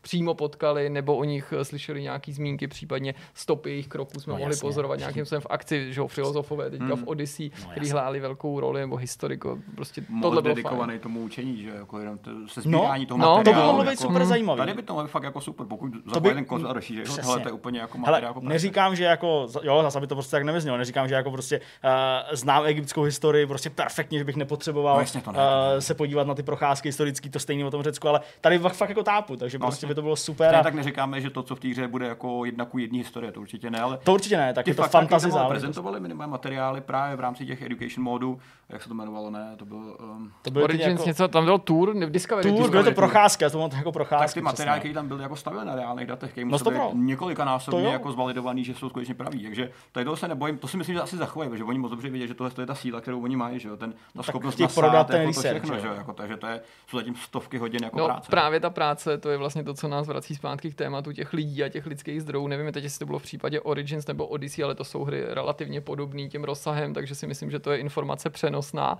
Buď jak buď, eh, tak tam mělo pracovat jenom v, ve výtvarném oddělení 200 až 300 lidí. Vlastně. Což je úplně šílený. To je Máš taková masa lidí, že asi vlastně ani nedokáže jenom grafiku. Jak, je, jak, tu lidi, jak ty lidi řídíš, jak ukočíruješ celý ten projekt, ale zejména na tom je vidět to neuvěřitelné úsilí právě, který musí jít i do toho jako výzkumu, do toho hledání těch hmm. referencí. A to je pak něco, v čem ta hra taky může být potenciálně mm. velmi zajímavá, pokud ta práce je odvedená dobře. Samozřejmě s tím vědomím, co tady říkal správně Zdeněk, je potřeba myslet na, a mít na paměti, že ne všechno, co se tam objeví, je nutně autentický nebo správný, je potřeba to zase konfrontovat ideálně s nějakou jako naučnou literaturou. Poslední věcí, kterou asi musíme rozebrat ještě, nebo která určitě by stála tady za zmínku, tak je ten soubojový systém. Samozřejmě, jako hru jsme neviděli, nehráli jsme ji, takže těžko můžeme něco rozebírat. Ale na konci ale, číslo. Ale uh, můžeme dát i na konci nějaký číslo, klidně. Uh, ne, chtěl jsem jenom říct, že uh, zatím z toho, co víme, tak uh, ta hra by měla být brutální, měla by prostě odpovídat tomu, že se budeme podílet nějakých soubojů, kde jsou vikingové, takže minimálně nějaký ten jako obecný náhled a pohled na to, jak bojovali, tak by tady měl být prostě reflektovaný. To znamená brutální, drsný, velmi krvavý, velmi explicitní. Uvidíme, kam až budou chtít výváři zajít. Nicméně mluvili třeba o těch funkčních prvcích, funkčních mechanik, mechanikách, a to, že prostě třeba budeš moct vzít v zásadě do obou rukou téměř jakoukoliv zbraň, kterou mm-hmm. normální člověk unese, aby to prostě úplně ještě jako nevycházelo z nějaký, z nějaký mantinelu reality. Mně se líbilo, že můžeš vzít dokonce dva štíty, protože když jako někdo bude chtít, tak může mít dva štíty. Takový troll trošku. Uh, takový, takový trochu troll. On hodně poukazuje, že na rozšíření toho původního systému, který byl teda původní, myslím, z, z Origins a z Odyssey. Jo, takhle, uh, takže nemyslíš ten úplně původní. Ne, úplně původní, uh, který byl v podstatě jako forma slotu, do kterých dává že, před, předem definovaný equipment. No, Tady už to může být trošku zase jako blíž RPGčkám, který známe jako Dark Souls, můžeš skutečně vytvořit build, a kdo ví, jestli třeba dopadne nějak jako na úroveň brnění, třeba lehký brnění, těžký brnění, jestli můžeš to ještě mnohem jako komplexněji kombinovat. Hele, já myslím, že jo, minimálně z toho, co tam padlo dál, uh, zase se prostě odkazuju na ten Game Informer a tak dál, to prostě jediný článek, který jsem četl zatím, mm-hmm. boží, uh, tak uh, on tam, ten Ismail říká, že prostě každý kus nějaký výbavy je unikátní, můžeš je vylepšovat a že na základě toho, co máš, jakou mm-hmm. máš výbavu a jakým způsobem rozšiřuješ ty své skilly, ty své schopnosti, tak jako přímo určuješ to, jestli to je ten jako drsný viking, který se na nic a na nikoho neohlíží a prostě každá, uh, každý máchnutí se, který musí někam dopadnout, a nebo jsi takový ten jako sneaky, který používá ty hidden blady, Jasně. jo, a možná si napískává do keří nějaké své, své nepřátelé. Což tam bez tak říkají jenom proto, aby lidi měli pocit, že to má nějakou souvislost s těma starýma asasinama, protože já bohužel právě jako to plížení, byť no. ten, tu strategii lze uplatnit, to jako nerozporu. V konkrétních nějakých misích. No, tak jasně. jako cítím, že je to extrémně jako potlačený hmm. a že vlastně ten paradox, který jste zmiňoval, to, že si můžeš někoho napískat prostě celou posádku nějaký, nějaký no. hlídky nebo nějakého tábora do jednoho křovíčka, hmm. nebo že může skočit do kůpky se senem, nebo že prostě odemykáš mapu, nebo se po ní rozhlíží z nějaký věže. To jako chápu, že v očích mnoha fanoušků a minimálně v očích Ubisoftu, Ubisoftu jsou ty rekvizity Assassina, ale bez tohohle bych se paradoxně obešel, kdyby zbytek té hratelnosti mi toho Assassina víc eh, hmm. připomínal, anebo kdyby aspoň jsem měl pocit, že kromě toho otevřeného konfliktu je tam jako akcentováno ten, ten, ten, ten původ, že, že to je nějaká jako plížící hmm. akce, odvolávající se prostě na jiné věci ze z žánru. No a strach, že to tam asi nebude tolik, ale uvidíme. Samozřejmě, až ta hra o Vánocích vyjde, nechte se zmást, holiday, slůvko holiday, a není v anglicky mluvících zemí myšleno jako letní prázdniny, ale vánoční prázdniny, takže je to logický, protože ta hra má samozřejmě být i pro nový konzole, má to i cross-generační titul, ale samozřejmě se užijete, tedy Valhalla si užijete i na PlayStation 4, Xbox One, a taky na PC. Na PC vychází v rámci Uplay, to je docela dobrý, Uplay Plus teda, pardon, toho předplatného, jinak bude dostupná ta hra samozřejmě za plnou cenu na Uplay jako takovým, tedy obchodu Ubisoftu.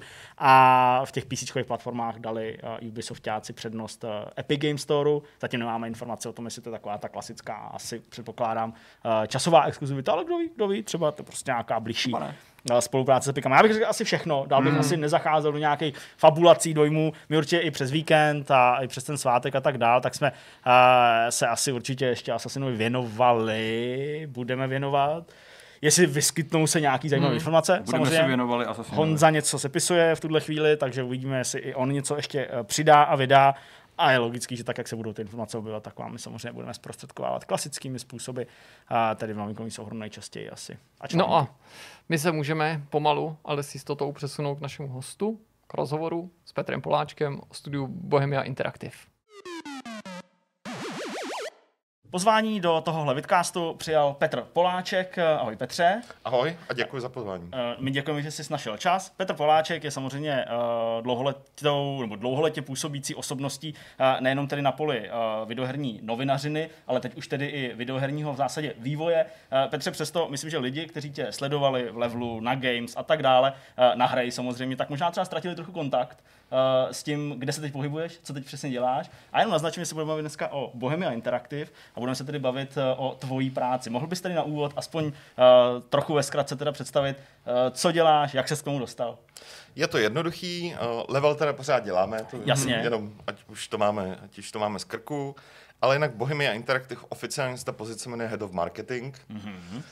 což znamená, že jsem odpovědný za marketing uh, našich jednotlivých projektů i za marketing Bohemia Interactive jako firemní. To je takhle ve zkratce, to je jednoduchá odpověď. Pak to znamená spousta, spousta dělčích věcí, to znamená, řešíme samozřejmě, nebo já řeším se svými kolegy z jednotlivých týmů, protože každá hra má svůj marketingový tým, který se stává většinou z brand managera, se stává z community managera a pak uh, říká se tomu marketing assistant nebo něco takového. Každopádně většinou no. ten tým má tři až čtyři lidi. Mm-hmm. A já si sundám z brýle s dovolením. uh, který se stará o, o to, aby každá ta hra, každý update, víceméně všechno bylo správně komunikovaný, abychom komunikovali s lidmi na sociálních sítích a tedy a tedy a já tyhle věci koordinuju a víceméně zastřešuju všechny ty projekty, to znamená, řeším s těma eh, kolegama a kolegyněmi eh, plány marketingový, pak je tam taková nepříliš záživná pasáž, kdy řeším budžety a podobné věci, ale můžu si to naštěstí uh, kompenzovat tím, že pak řešíme i konkrétní tiskové zprávy a podobné věci. Mm. Takže je to taková všechuť, docela zajímavá, zejména v Bohemce, Eh, protože ten marketing Bohemce, dejme tomu ještě, já nevím, dva, tři roky zpátky, byl takový velmi základní, mm. ale s tím, jak se, se rozrostlo portfolio her našich, tak samozřejmě bylo potřeba to trošku potunit a myslím si, že jako se nám to docela daří. Ty jsi správně vypichoval, že pořád level tvoříš společně s kolegama. Přesto, ačkoliv eh, si neopustil to svý předchozí působiště definitivně, jak se ti přesedlávalo na tu novou pozici, že většinou se mluví o takovém tom střídání barikád, ale to zní tak jako příliš konfrontačně. Eh, byl to pro tebe zajímavý krok, nebo to proběhlo tak, jak jsi to přibližně představoval? Neměl jsem žádnou představu, eh, protože jsem, protože celý můj přesun od bohe, do Bohemky byl posled dílem náhody mýho kolegy v Brně, uh, což je brand manager Vigoru teda tady. ano, jasně. Takovýhle uh, typ reklamy mi tady samozřejmě uh, dovolujeme. Jo. Hostům. Ano, ano. Ne, neslíkáme hosty, Ne. zatím teda. Dobrý, v pohodě, děkuju. Uh, a byl to víceméně ad hoc. Já jsem neměl žádný představy o tom, jak to bude vypadat, protože ono eh, i z mých vlastních zkušeností, i třeba v Tiskali, Hmm. kde jsem byl předtím, kde jsem taky řešil náš marketing, to vypadalo úplně jinak, než to samozřejmě vypadá tady v Bohemce. A aspoň to, co řeším třeba i s našimi PR agenturama, ať už je to česká, nebo, jsou, nebo je to zahraniční agentura, tak každý firmě je to úplně jinak. Já jsem fakt přišel a víceméně jsem přišel k čistému stolu s tím, že udělej si to, jak chceš. Mhm. Což mě jako docela vyhovuje ve skutečnosti, takže uh, uh, je to samozřejmě trošku divný. V, na, v našem českém prostředí uh, byly tam, by, tak, takhle, byly tam nějaké jako divné reakce typu jo, jo, tady prostě Poláček furt dělá level, uh, společně s dalšíma uh, kolegama a, a zároveň teda dělá pro herní firmu, to znamená automaticky je to střed zájmu a je to střed zájmu, o tom žádná. Na druhou stranu v tom našem malém českém rybníčku je to takový obvyklý, bych, bych jako Hmm. řekl. A je to transparentní. Třeba v levelu je všude uvedený, tam, tam Mhm. kde jsem, že, že prostě dělám pro Bohemku. Samozřejmě v životě nebudu psát uh, články o Bohemce, uh, v životě nebudu recenzovat uh, jakýkoliv hry od Bohemky a tedy a tedy, jo. Ale no, je to takhle rozdělený Hmm, hmm. a jestli s tím někdo má problém, tak se mu omlouvám a může mě s tím kdykoliv konfrontovat, já jsem na to připravený. Každopádně uh, Bohemka je docela velká firma, ten marketing uh, není úplně levný, i protože ty naše hry jsou globální a Mhm. mm-hmm. samozřejmě prodáme hlavně v zahraničí. A pro mě je to úplně skvělá zkušenost, musím, Hmm. musím říct. Zatím trvá tak jako rok a půl, pak jsem tam od prosince 2018. To by tak vycházelo. No. Mhm. OK. Uh, ještě než se dostaneme uh, tedy vlastně k tomu jádru a tomu hlavnímu důvodu, proč jsme se tě sem pozvali, uh, tak uh, já se ještě bych rád zastavil u toho levelu, protože samozřejmě i pro mě s Jirkou je to nějaká docela značná část naší uh, profesní historie, ty pořád level uh, připravuješ s klukama, tak uh, můžeš nás třeba vzít malinko dovnitř do toho vydávání toho časopisu, do toho, jak to funguje v roce 2020, uh, jakou obměnou si třeba ten level musel projít. A teď nemyslím tu hlavní obměnu, která nastala samozřejmě tedy uh, s tou změnou toho konceptu před několika rokama, ale teď třeba prostě aktuálně po té třístovce. Uh, ta hlavní změna byla v tom, že jsme přibrali uh, společně s Martinem Bachem a, a, a s Ondrou Průšou ještě Pavla Dobrovského Mhm. mm-hmm. a Pavla Skotáka jako, jako víceméně jako redaktory. Jasně. Mhm. Uh, což je velká změna sama o sobě, protože předtím jsme byli zvyklí to s Martinem nějak jako ten obsah a společně samozřejmě s Honzou Diblíkem a, a Memorim uh, za grafiku jako spidlit tak nějak sami. OK. Teď uh, poslední dvě čísla se snažíme, eh, respektive hlavně třeba Pavel Dobrovský i s Pavlem Skotákem se snaží, aby to fungovalo trošku víc profesionálně ve smyslu, že třeba u závěrka nepobíhá během posledních dvou dnů o víkendu, ale mm-hmm. snažíme se to udělat trošku dřív. Zatím jsme ukrojili jeden den OK. z té uzávěrky, což jako docela dobrý progres po těch x letech, kdy jsme vždycky jeden víkend měli fakt vyhrazený čistě na, čistě na level, za což rodiny uh, nám neděkovaly. Hmm. Jasně, mohu si představit. A, a souvisí s tím i ta změna konceptu trošku. Mhm. Mm-hmm. Jo, jakože ta změna konceptu není tak radikální, víceméně ty informace, které v levelu furt jsou, rozhovory, témata a tak dál, zůstává to stejný. Jo, protože tam jsme necít, tam jsme fakt neměli pocit, že je potřeba něco úplně měnit. Hrajeme si s tím, jak jako řešíme recenze a podobné věci, protože nám přišlo, že v dnešní době už třeba recenze, jako nějaký klasický, dlouhý a tak dále, nejsou v časáku jako level, Mm. který není moc aktuální, nejsou asi tak moc potřeba. To, to spíš jako přenecháme webům a tak dále. Ale furt je tam máme, spojili jsme to s nějakým formátem, který mu říkáme essay. Furt to testujeme. Uh, teďka třeba v dalším čísle bude uh, essay od velmi zajímavého autora, uh, Final Fantasy 7 Aha, to je zajímavý. který už dlouho, dlouho pro level nic nenapsal, takže takový teaser. OK, dobře, dobře. Pardon. Ale furt se s tím hrajem. OK. Jo. Uh, jinak, uh, pokud jde o level, jako celkově, jak bude vycházet tak na, a tak dál. Prostě celý rok je to jasný, letos vychází. My si vždycky na konci roku sedneme a řekneme, má to cenu, chcem to dělat, budeme to dělat. A asi je potřeba říct, že díky, uh, díky Ondrovi Průšovi úplně nemusíme řešit, uh, jestli je to uh, výdělečný nebo to mm. není výdělečný. To jako na rovinu můžeme říct.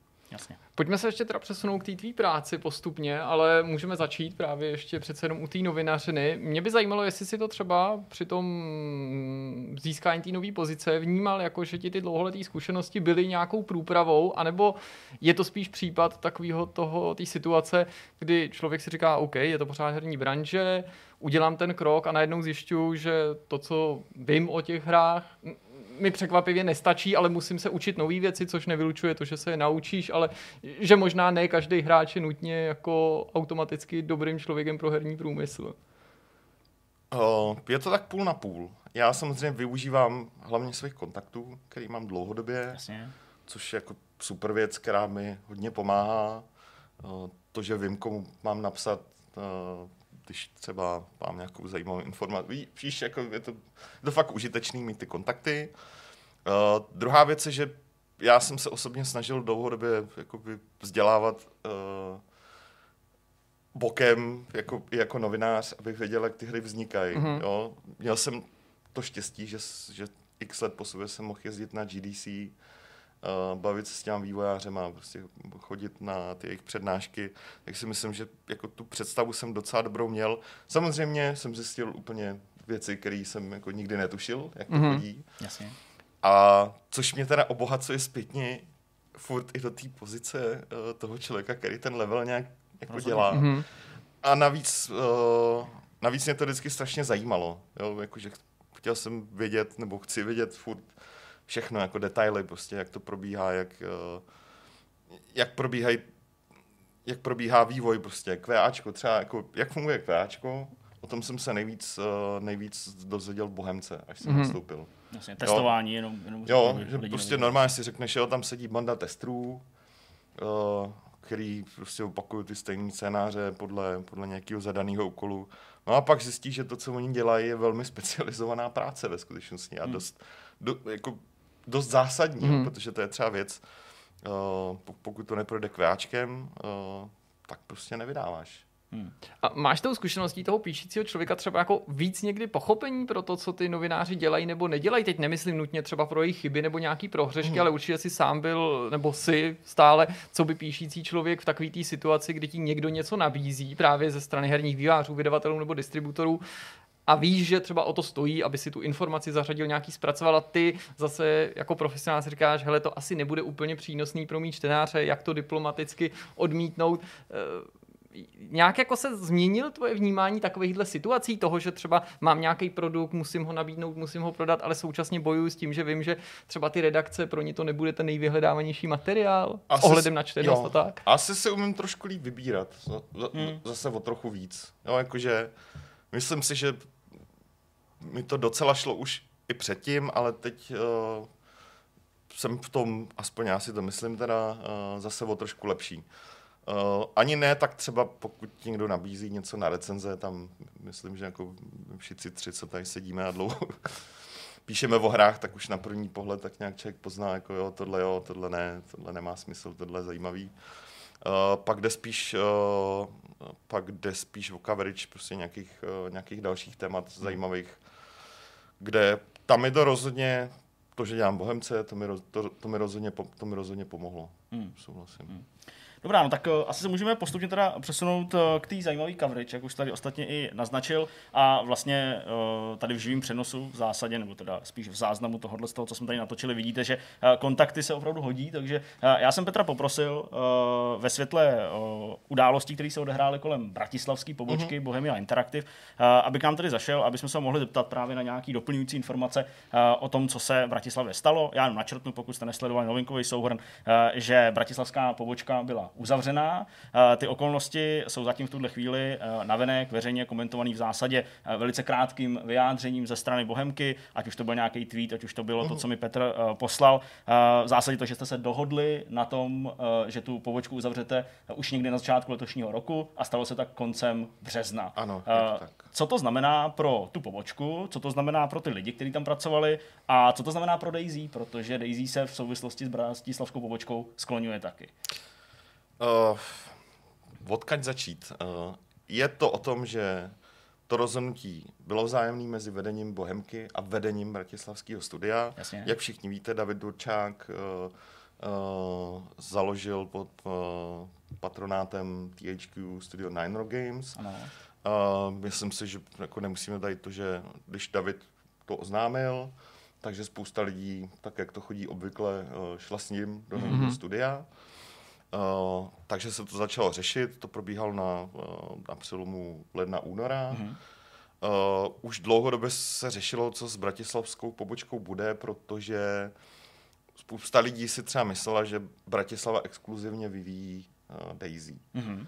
Ale tak už to řadu měsíců není pravda, protože Daisy, cokoliv se týká vývoje, ať už jsou to updaty, nebo to byla třeba Livonia DLC, tak se vyvíjí v Praze uh, ve zhruba desetičleném týmu, který mm-hmm. je stálej už, už řadu měsíců, už uh, od konce roku 2019, respektive i před váním Livonie. To znamená, že se řešilo i to, jaký Bratislava má přínos uh, pro Bohemku. Mm-hmm. A jaká že... přesně teda, promiň, že do toho vstupu no. byla ta role teda toho bratislavského týmu v těch uh, předcházejících měsících? Případně kdy došlo k té transformaci toho, že ten vývoj se teda uh, ukotvil v Praze? Tomu, tomu došlo už na podzim minulého roku. Mm-hmm. To znamená, ten core tým je v Praze Jasně. A ten tam pořád je a bude. Uh, Bratislava dělala samozřejmě jiné věci, o kterých bohužel nemůžu hovořit. Jasně, chápem. A pomáhali obecně jako se spoustou projektů. Uh, samozřejmě pracovali i na Daisy, uh, týkalo se to zejména konzolových updateů pro Daisy mm-hmm. a tedy. A jak říkám, na začátku roku se začalo teda řešit, uh, uh, co bude, jak to bude. Upřímně tam asi z obou stran ta komunikace nebyla úplně nejideálnější. A nakonec došlo teda k tomu, k té domluvě, že uh, dobrý, tak, tak končíme. Lidi, který, uh, aspoň pokud vím, protože uh, si myslím, můžete představit, že toho šumu je spousta, jo, Bohemka mm-hmm. je prostě velká firma. Tak uh, lidi, kteří neodešli přímo do, uh, do Nine Rock Games, tak uh, všichni dostali, všichni dostali nabídku, skoro všichni teda, dostali nabídku se přesunout do dalších studií, ať už je to v Brně, nebo v Praze, nebo kdykoliv, kde má Bohemka studia. A moc lidí to nevyužilo, No, naštěstí té práce je dneska jako docela hodně, ale nemyslím si, že tam jako zůstává nějaký, uh, jako nějaká hořkost mm. jako zatím. Prostě Bratislava dosloužila prostě ten svůj čas, který asi měla vyměřený. Mm-hmm. A uh, všichni si šli uh, za něčím dalším. To je celý.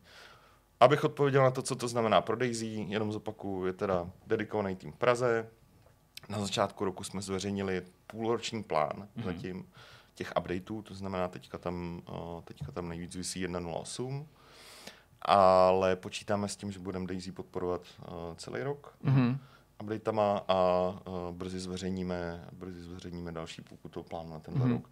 Co je příští rok, to není rozhodnutý, ale vzhledem k tomu, že Daisy jestli si vzpomínáte na, na, na takovou tu infografiku, kterou jsme posílali pár týdnů zpátky. Jasně. Je to fakt brutálně důležitý produkt, protože ta hra se prostě hmm. prodává. Jako. Hmm. Já jsem tě k tomuto chtěl právě ostatně přivést, protože spousta našich diváků, ačkoliv se samozřejmě o hry velmi intenzivně zajímají, tak pořád můžou mít Daisy nesprávně zařazený, co by titul, co neuspěl, ona ho občas provází, nebo neuspěl, možná silný slovo, titul, který provází pověst jako hry, která se dělá velmi dlouho, o kterou byl obrovitánský zájem a pak možná uh, nesprávně se někdo domnívá, že ten zájem velmi ochladnul, ale ty statistiky a ty data říkají něco jiného. Můžeš zkusit jako mm, jinak než řečí čísel, ale pocitově nás trochu přenést do té aktuální situace okolo Daisy, jak si ta hra stojí a jak populární je? O, řeči čísel si stojí fakt dobře. Populární, stačí se podívat třeba na Steam, na, hmm.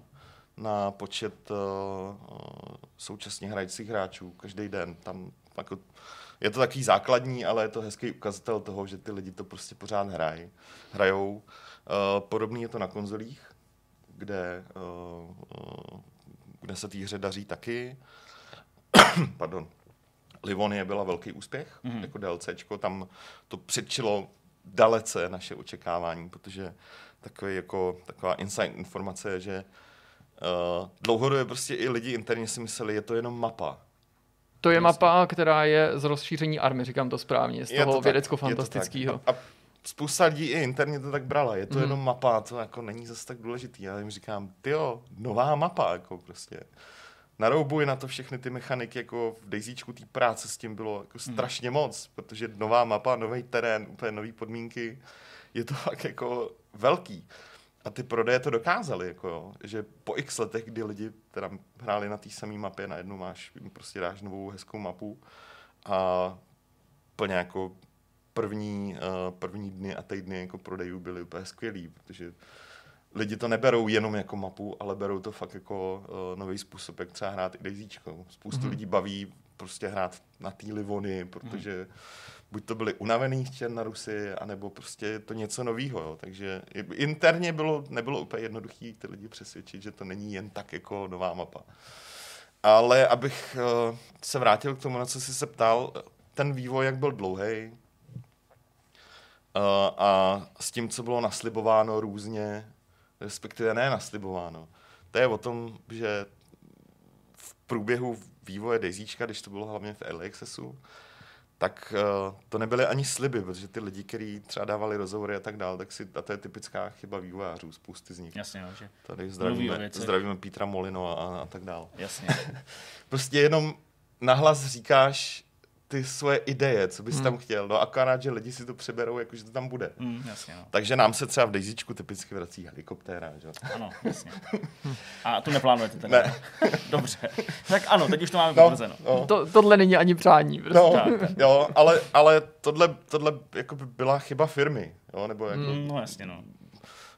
uh, nebo chyba prostě těch vývojářů, že jako se nezamysleli nad tím jako uh, té situaci, kdy si s někým povídali jako kámoši, co de facto říkají, jo. protože lidi to berou jako tak je to daná věc. Mluvil o tom, že tam bude helikoptéra, tak, Tak tam tam bude. prostě bude. Důležitá věc je, že uh, ta hra je tady dlouho, je pořád úspěšná i po uh, pě- pěti, šest, šesti letech, teďka Mhm. mm-hmm. už Mhm. víceméně v, uh, v Early Accessu, pak jsme ji po dlouhé době vydali, Uh, ten, to vydání třeba na PC mm, nebylo úplně ideální. On tam byl ten skok nějak z 0,60 asi 7 No. verze na verzi 1.0. Mluvilo se o tom, že to je spíš takový jako psychologický krok i pro vývojáře v zásadě. Je, to tak? je, je to tak a tam jsme třeba ani nezaznamenali nějaký spike, pokud jde o prodeje, jo, mm. ale uh, tam to bylo částečně i kvůli tomu, že marketingově jsme to neudělali úplně nejlíp, ve smyslu podpory toho releaseu.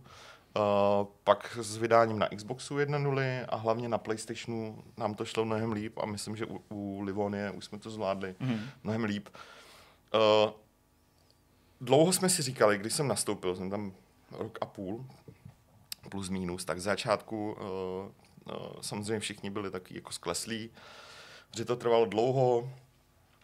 Uh, korová část té komunity byla hodně, hodně toxická, Mhm. ale to se myslím povedlo uh, jednak zvednout díky těm releaseům, jednak díky tomu, že uh, právě vývoj tým Praze udržuje uh, pravidelný updaty, to znamená snaží se to držet ten rozestup 6 týdnů, plus minus, Jasně. podle toho, jak to vyjde.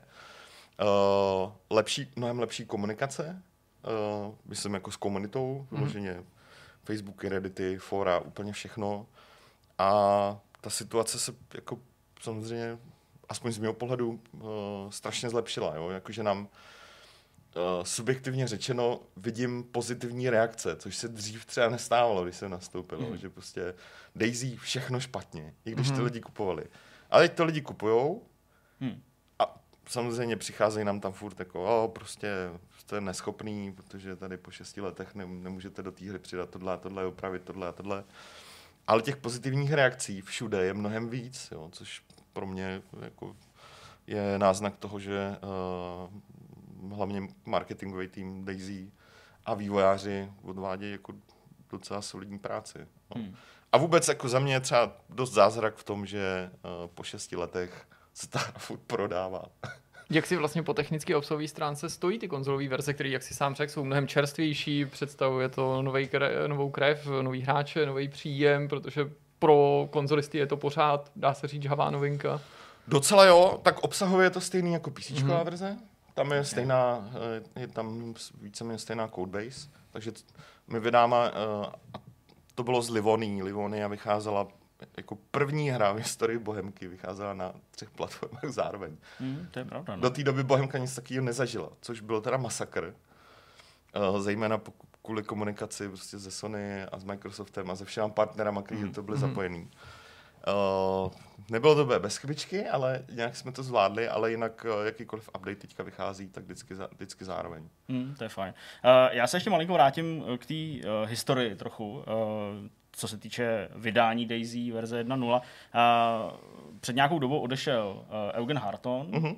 Uh, jak tohle pojmenoval, uh, pojmenoval uh, postihlo nebo nějakým způsobem ovlivnilo ten vývoj? Vstoupilo to do toho nějak, nebo už ten prostě kolos jede tak nějak autonomně sám a v zásadě, neříkám, že bylo jedno, kdo ho vede, ale že prostě ten, kdo to přijde výst po někom, tak už v zásadě jenom přebírá to, co už vzniklo kdysi před lety. Jasný. Eugen uh, odvedl jako super práci a jako ty, to, co zažil s Dejzíčkem, to by bylo asi, to byste si zase měli pozvat, to by vám vyprávěl příběhy, který, jo, jo, který, tak... by byly, který by byly hodně zajímavý, až dojede z Polska teda někdy. Ano, jasně. My jsme třeba potkali v Dubrovníku. No, před já myslím, že byl i hostem totiž Vidcastu. Byl i hostem Vidcastu, Aha. Jenom před nějakou dobou. Jsme si nevím, hele, nevím, jestli o tom bude mluvit, jako jasně. bude moci mluvit takhle, mm-hmm. protože nevím, jestli třeba si nepodepsal nějaký NDAčko a tak dále, nevím, nevím. Ale jako naznačil, že teda zažil i ty těžší časy, jak jsi mluvil ty, o té časové ano, ose. Ano, a těch těžký, těžkých časů bylo jako spousta. Mm. Jo. Ten vývoj mm. fakt nebyl lehký, vem si, že v půlce vývoje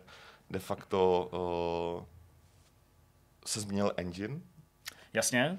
Který ale nebyl hotový v té době. Jo. To je jako podstatný. To znamená jako Daisyčko, který teďka je i na konzolích, to znamená, je to mix uh, starého engineu, který de facto vychází z Operation Flashpoint engineu 20 let zpátky, mm-hmm. uh, plus uh, Enfusionu, což, což je náš nový engine, uh, na kterým se pořád pracuje teďka. A to se rozhodli v půlce vývoje, jo, proto to, po nějakých dvou, dvou letech, dvou a půl letech. Mm. To znamená, proto to trvalo další dva, dva a půl roku, než to došlo k verzi 1.0. Uh, každopádně Eugen nebyl samotný. Uh, Logicky. Uh, kdo vedl de facto vývoj, vývoj Daisyčka. Jednak to teda byla Bratislava, mm-hmm. David Durčák. Uh, teďka třeba v, v čele toho týmu, asi to tak můžu říct, máme tam uh, Juliana Vidu, což je executive producer, mm. nejenom pro Daisyčko, uh, který ale v Bohemce je několik let, je tam prostě nějakých 6-7 let. Mm. A vždycky u toho Daisyčka byl, to znamená, on plynule prostě převzal to, co no, to, co tam bylo prostě za Eugena nebo za, za Davida a prostě si to vede společně s kolegama a Jasně. zatím to jako funguje. Jo. Třeba ta, ta věc s tím, že se snažíme updaty fakt vydávat v pravidelném cyklu, je strašně důležitá, protože hmm. komunita to oceňuje. Jo. To, hmm. A to tady třeba během toho early accessu nebylo a byla to jedna, nechci říct chyb, ale externě jako novinář třeba bych řekl, že to byla chyba, protože jedno základní pravidlo toho, když máš projekt v Early Accessu, Kdyby, jsou pravidelný updaty. Přesně, transparentní v tom, co přijde, jasně, co to, tam bude. To ti řekne úplně každý uh, vývojář, který uh, nějakou úspěšnou věc Early Accessu měl a tohle třeba úplně nefungovalo no, u hmm. Hmm. Co třeba ty další hry? Ty máš na triku Vigor, ten se chystá na Switch. Yep. Uh, to je vlastně pro něj velký krok, protože dosud to byla Xboxová exkluzivita. Samotný to oznámení nás loni na E3, bylo to loni nebo předloni? Já už jsem tak vykolil. Já myslím, že to bylo loni teprve, ne? Ne. Ne, předloni, protože předloni. tu reportáž jsme natáčeli potom a to bylo ještě před webem. Předloni to, Již, a jo, předloni vlastně. to bylo oznámení a Game Pass. Jasně. To je Game Pass. Uh, Game, game preview. Game preview, game preview sorry. Jasně, ale bylo to velký překvapení na té E3. A loni, loni jsme vydávali jakože jedna, jedna nula Aha. ve Mhm. free to play na Gamescomu. Jasně. To je titul, který se vyvíjí v Brně. Uh, jaký jsou s ním další plány? Protože spousta lidí ho na začátku nedokázala přesně zařadit do toho vašeho portfolia, že jo, neby, tehdy nebylo tak široký, uh, lidi si nebyli přesně jako ani jistý tím, co přesně jako čekat, jestli to Jiný bude engine. jiná technologie, přesně Unreal Engine, navíc vlastně rozpracovaná hra. No, plány jsou jednoduchý. Máme naplánovaný uh, spoustu hezkých season na, na, na tenhle rok. Jakože fakt pěkný. Je tam samozřejmě vydání, vydání na Switchi teda. Uh, nejdřív bude to podobný módu jako na Xboxu, to znamená nejdřív to vyjde v premium modelu s Founders Packem Mhm. uh, v létě, ale nebudeme čekat další rok, než vydáme free-to-play verzi, která by měla být do konce tohohle roku i na Switchi. A já nevím, jestli jste měli šanci, šanci hrát. Uh, Tu switchovou ne. Ne, Jo. Switchovou ne. Na ale- switchovou se předpokládám chtěl zeptat. No, chtěl jsem se zeptat, no, jako, co si o tom myslíte, protože já jsem uh, se k té switchové verzi dostal uh, jakože vyloženě k playtestu mm-hmm. ne úplně dlouho před spuštěním té bety, mm-hmm. Která se teda jako povedla dost pěkně ve skutečnosti nad očekávání, aspoň jako osobně to myslím. Mm-hmm. A já byl překvapený, jo, jakože jak to vypadá, jak to, bě, jak to hlavně běží, Mhm. na, uh, jak to hlavně běží, bohužel lidi v té betě neměli možnost zkoušet třeba deathmatch na Switchi. A já jsem úplně čuměl, že to fakt jako chlapci byli schopní uh, vypidlit tak, že, že to drží prostě tu třicítku, mm-hmm. uh, když je tam jako x lidí v deathmatchi, jo, což já jsem osobně jsem z toho byl překvapený. Jak chápu, že jsem jako tady ovlivněný, zainteresovaný mm-hmm. z Bohemky, ale myslím, že můžu v klidu prozradit, že když jsme jako s Dominikem, což je eh, brand manager Vigoru, seděli ten den na tom playtestu, hráli jsme to proti sobě, tak uh, jsme oba dva čuměli, jak, jak je to dobrý, že jsme to čekali mnohem horší. Takže Switch letos, uh, seasony pojedou opět uh, šestitejdenní cyklus, uh, s novýma featurama, vždycky je tam aspoň jedna velká. A, a uvidíme, co bude dál. No. Hmm. Uh, A chceme, a to je důležitá věc, teda ten plán je, až vyjde ten Switch, tak uh, stejně jako třeba u Daisyčka, pak chceme koordinovaný vydávání těch season prostě pro všechny platformy. Switch, Xbox, uvidíme, co přijde pak. OK, tak to beru možná i jako takový drobný příslip. Nicméně, já ještě navážu na to, co tady Jirka říkal, uh, že uh, hráči na začátku, třeba si právě Vigor nebyli schopní nějak extra uh, jako zasadit prostě do Hmm. nějakého kontextu, co to vlastně je za hru. Jak vnímáte tohle z marketingového hlediska, to jako prodávání té hry těm hráčům, teď myslím jako ty myšlenky, budete se snažit nějak jako ještě líp ukotvit prostě to, o čem to je, protože prostě lidi si myslí na první pohled, to je nějaký Battle Royale, ale vlastně ne, je to looter shooter, Jo, jo. Ne, nemá to příběh, a, jo, a tak dále. Jo, hele, souhlas. Tam uh, ta geneze celého toho projektu byla taková složitá, protože na prvním místě bylo Norsko. Jasně, to byl ta... Krajina. Jasně, to, my to když jsme byl byli ten- v Brně, takže No. tam všechno padalo no, v no, tom no. videu. Jo, jasně. jakože prostě Norsko, hlavní selling point, uh, devadesátky, uh, fiktivní uh, post-war situace a tak dál. Ta hra se mezi tím dost změnila, Mhm. mm. respektive dost se vyvinula i na konto toho obsahu v těch seasonách a updatech. No, že prostě teď tam máme jako policajty a rabiáty a podobné věci. Mhm. Mm. Takže je to trošku někde jinde. To Norsko tam samozřejmě furt je, protože mapy a ono jako fakt to vypadá dobře. Ty mapy jsou fakt krásné. To jako já tady řeknu, aniž bys jako A jo, se musel cítit blbě, že jsi z Bohemky, tak já potvrdím, že jako ta hra vizuálně je fakt hezká. Jasný, Jako, jo. jo, a, a furt, furt to Norsko, Norsko tam je, ale samozřejmě pracujeme právě s Dominikem a se zbytkem týmu i s tím, že na konto toho nového obsahu budeme uh, muset, a teď na tom fakt jako pracujeme, upravit i ten message o té hře, protože hmm. spousta, spousta lidí si myslí, že to je survival, což, No, taky jasně. což není pravda, spousta novinářů to teda píše taky pořád, ale i když to připomínám, a tím nemyslím vás, jo, to, jako, to je, Vlastně, no. Uh, jo, takže tam asi jsme... Hmm, tam na to máme jako co dělat, jako ještě na tom zapracovat, jo? protože ono třeba pro mě, uh, a to je možná tím, že jsem starý a blbej, ale jako looter shooter pro mě taky není jako moc žánr. Jo? Jako, že to je Ono jako... se to, to trvá, než si člověk na to jako No. zvykne a někdy se to třeba ani nepodaří, že No. lidi si to chtějí jako spojit s něčím, no. co už důvěrně znají, ne tak trochu znají prostě. Právě no, ale, ale hele, ten rok, kdy to bylo v game preview, nebo tak, jak to bylo představený, a třeba i na konto těch rozhovorů, který tenkrát ty lidi, co už tam nejsou, poskytli během té E3, mm. kde, se, kde o tom hovořil jako o survival, tak furt se s tím bojuje. Chápu, jasně. Hmm. Jo, ale pokud jde, pokud jde jinak o marketing, tak uh, uh, hodně dobře, uh, nejenom teda v případě Vigoru, hlavně v případě Daisy. Uh, samozřejmě klasický marketing uh, typu média a tak dále je fajn, ale to, co dělá ten výkon, jsou influenceri. Hmm. Vybraný. To je zajímavý.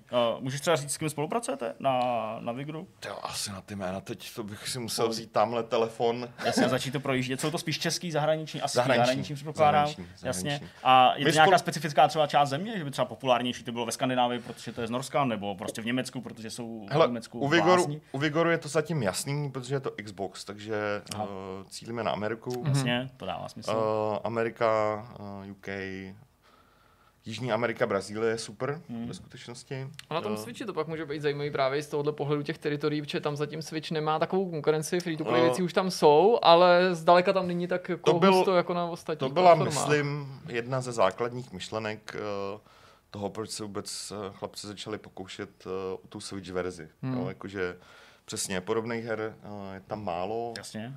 Free to play her tam taky moc není. Je tam, uvidíme, jestli to bude fungovat samozřejmě, ale uh, Vigor je sama o sobě taková, no to s tím souvisí, když říkáš, jako, že se to blbě popisuje. I mně se ta Hmm. hra občas docela blbě popisuje, protože já nevím, vodu mu řekneš, je to prostě, Frenetická, Frenetická střílečka. je to frenetická střílečka a teď ten Vigor, no máš tam shelter, pak tam máš mapy, pak je tam radiace. Není to úplně jednoduchý, No, jo, jasně, takže uh, furt s tím bojujem, ale zároveň je to, může to být nevýhoda, pokud jde o komunikaci z naší strany, protože je to těžší. Uh, ale zároveň to může být výhoda, protože je to něco jiného, Mhm. než, než ten zbytek.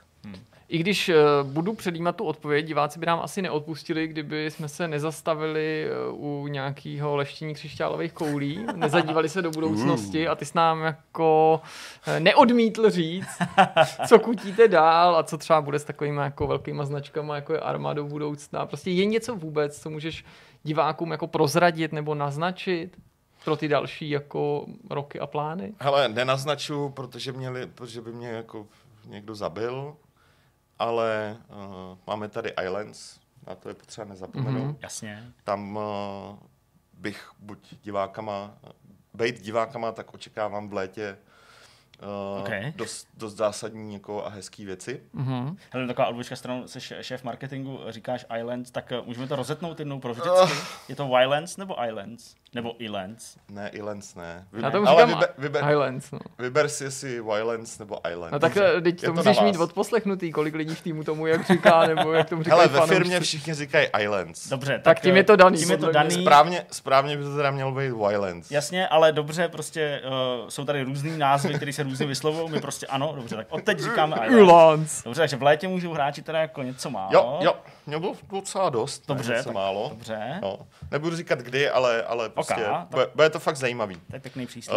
Uh, Vigor, uh, to samý, jako ty updaty, které jsou tam teďka naplánované, na kterých se pracuje, respektive seasony, ne updaty, protože jsme to přejmenovali nedávno, Dobře, uh, sezóny. abychom modernější. byli jako ano, ano, moderní. to tam sedí, přesně. Fortnite to prostě nastavil a nebo Je to nevím, tak, kdo. no.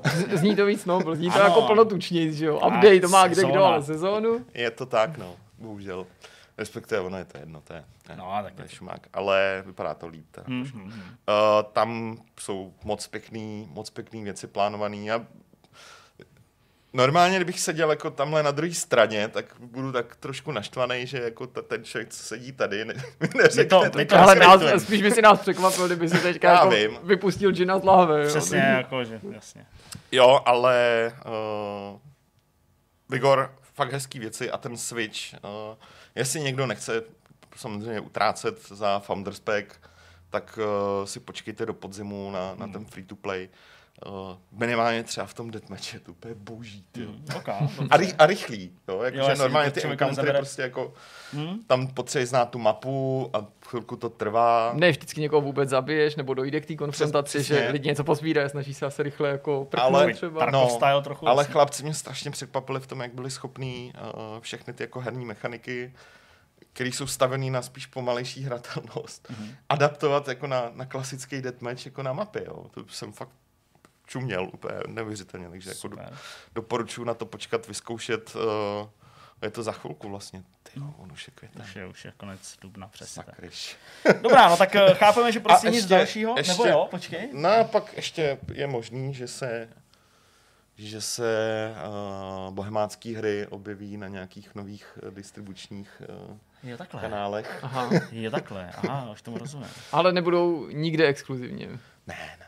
Dobře, tak eh, já myslím, že si to i naši diváci dokázali docela dobře přeložit, tohle, že to nebylo zase tak těžký. No, Eh, uvidíme. Pokud nemáš, Petře, ještě něco uh, úplně speciálního, co bys třeba chtěl uh, našim divákům zkázat do tamhle té kamery, která tě úpěnlivě uh, celou dobu tohoto rozhovoru sleduje. Já tam bohužel nedohlídnu. Jasně, je to ta pravá z pohledu, ta pravá černá věc. Tak pokud už nemáš nic, co bys chtěl zkázat našim divákům, Uh, asi držte chlapcům pěsti, ať se jim Jo, daří. takhle, tak eh, my zase říkáme, držte těmhle chlapcům pěsti. Eh, Petře, moc díky, že jsi za náma dorazil i v této době, že jsi to tady s náma takhle přežil. Velmi rád. I s rouškou. Moc díky. Kdykoliv.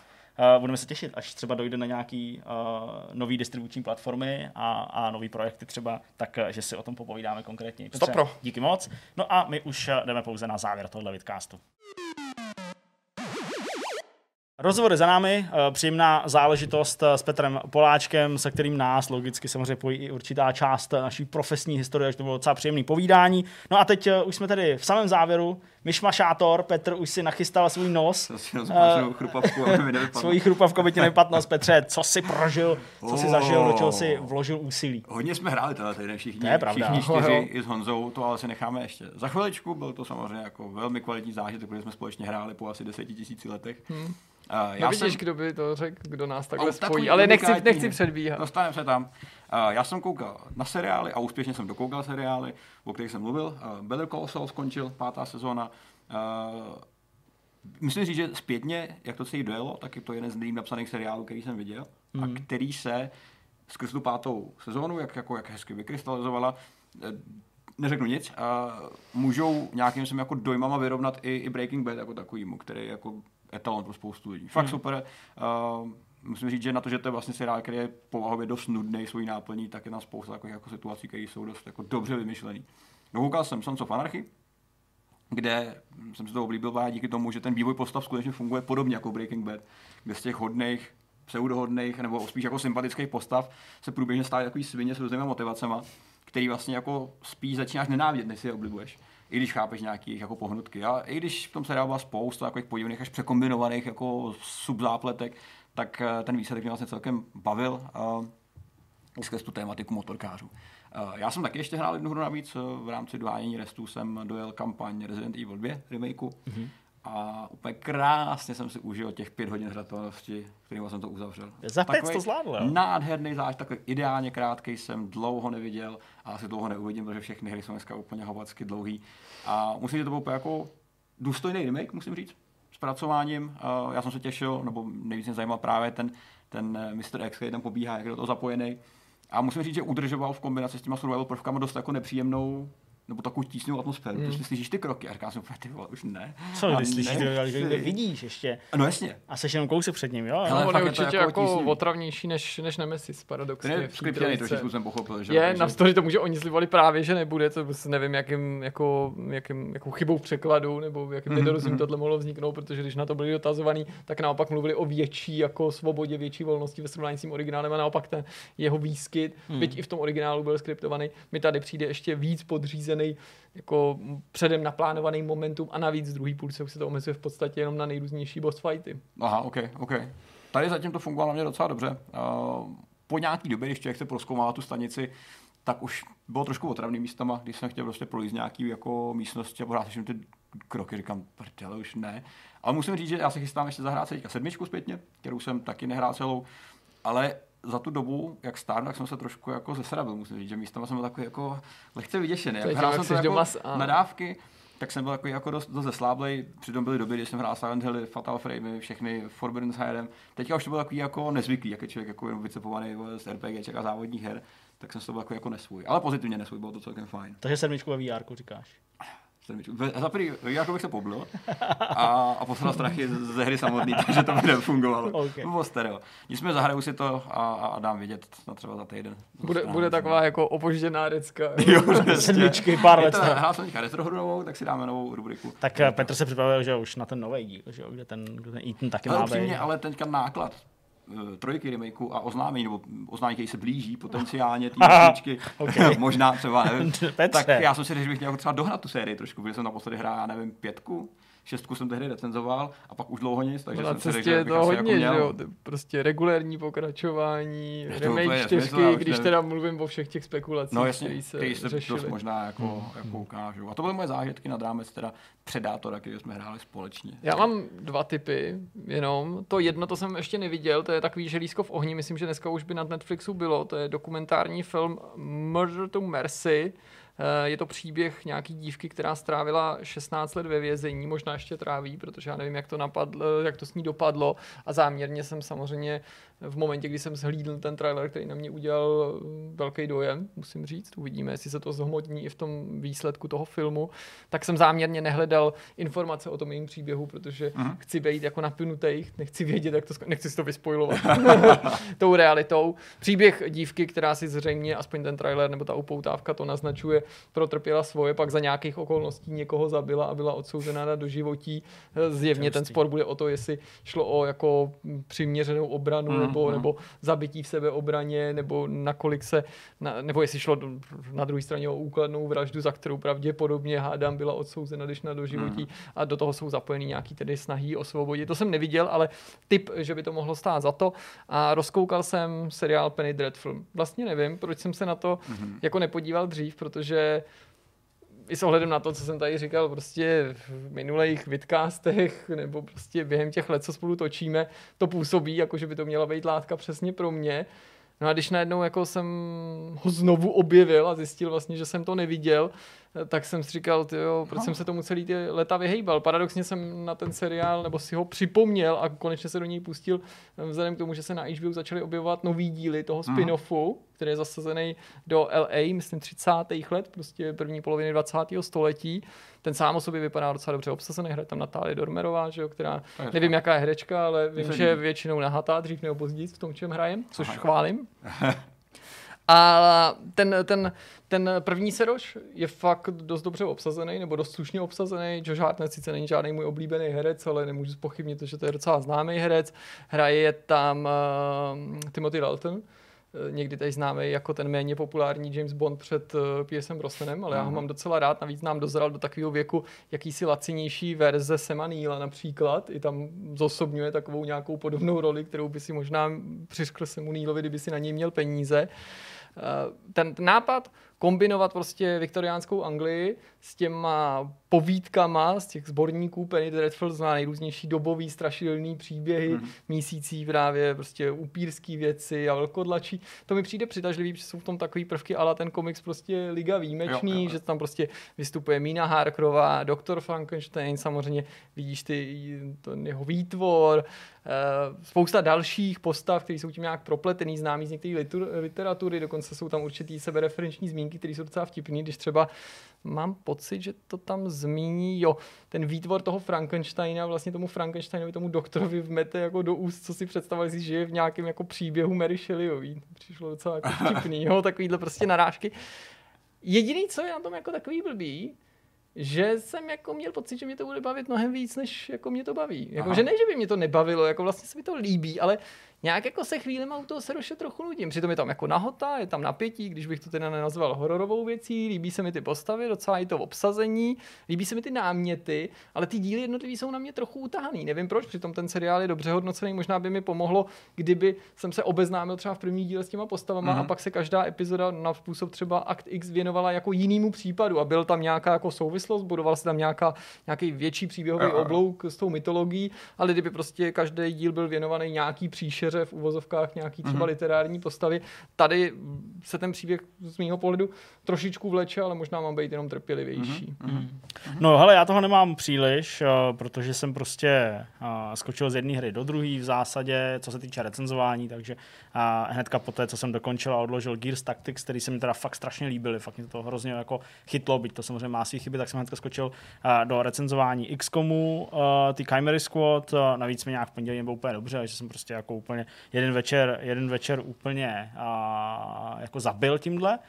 Nicméně, musím říct, že hned v pátek, Neříkej to slovo. hned v pátek po dotočení, vlastně hned následující den po té, co jsme dotočili uh, vidcast uh, předchozí, kdy jsem si stěžoval, že jsem se nedostal do svého účtu k Valorantu, respektive účtu na Riot Games a k Valorantu, tak uh, hned v pátek ráno v 5 hodin 25 minut mi přišel e-mail, protože já jsem založil nový účet, že jo, a opět jsem si prostě zapl stream nějaký, kde by to mohlo padnout, že jo, ten přístup do toho Valorantu, nechal jsem to běžet prostě na kompu, který byl zamknutý a odešel jsem. Tak v 5.25 ráno to padlo, hned prostě pár hodin poté, co jsem se tady stěžoval, takže Gamble. děkujeme Riot Games, že sledují náš vidcast, že mi teda konečně vyhověli. Před vydáním. Uh, ještě před vydáním, přesně tak. A že mají tady speciálně napíchnutý nějaký kamery. No to mají ten uh, anti, anti-cheatovací ano, systém, přesně, že přesně, ten furt běží Vanguard. No a takže konečně jsem si mohl zahrát Valorant Jaký to je? a musím říct, to fakt dobrý. Okay. Fakt se mi to líbí, je to prostě nápaditý, funkční, uh, člověk kdo se do toho docela jako rychle ponoří.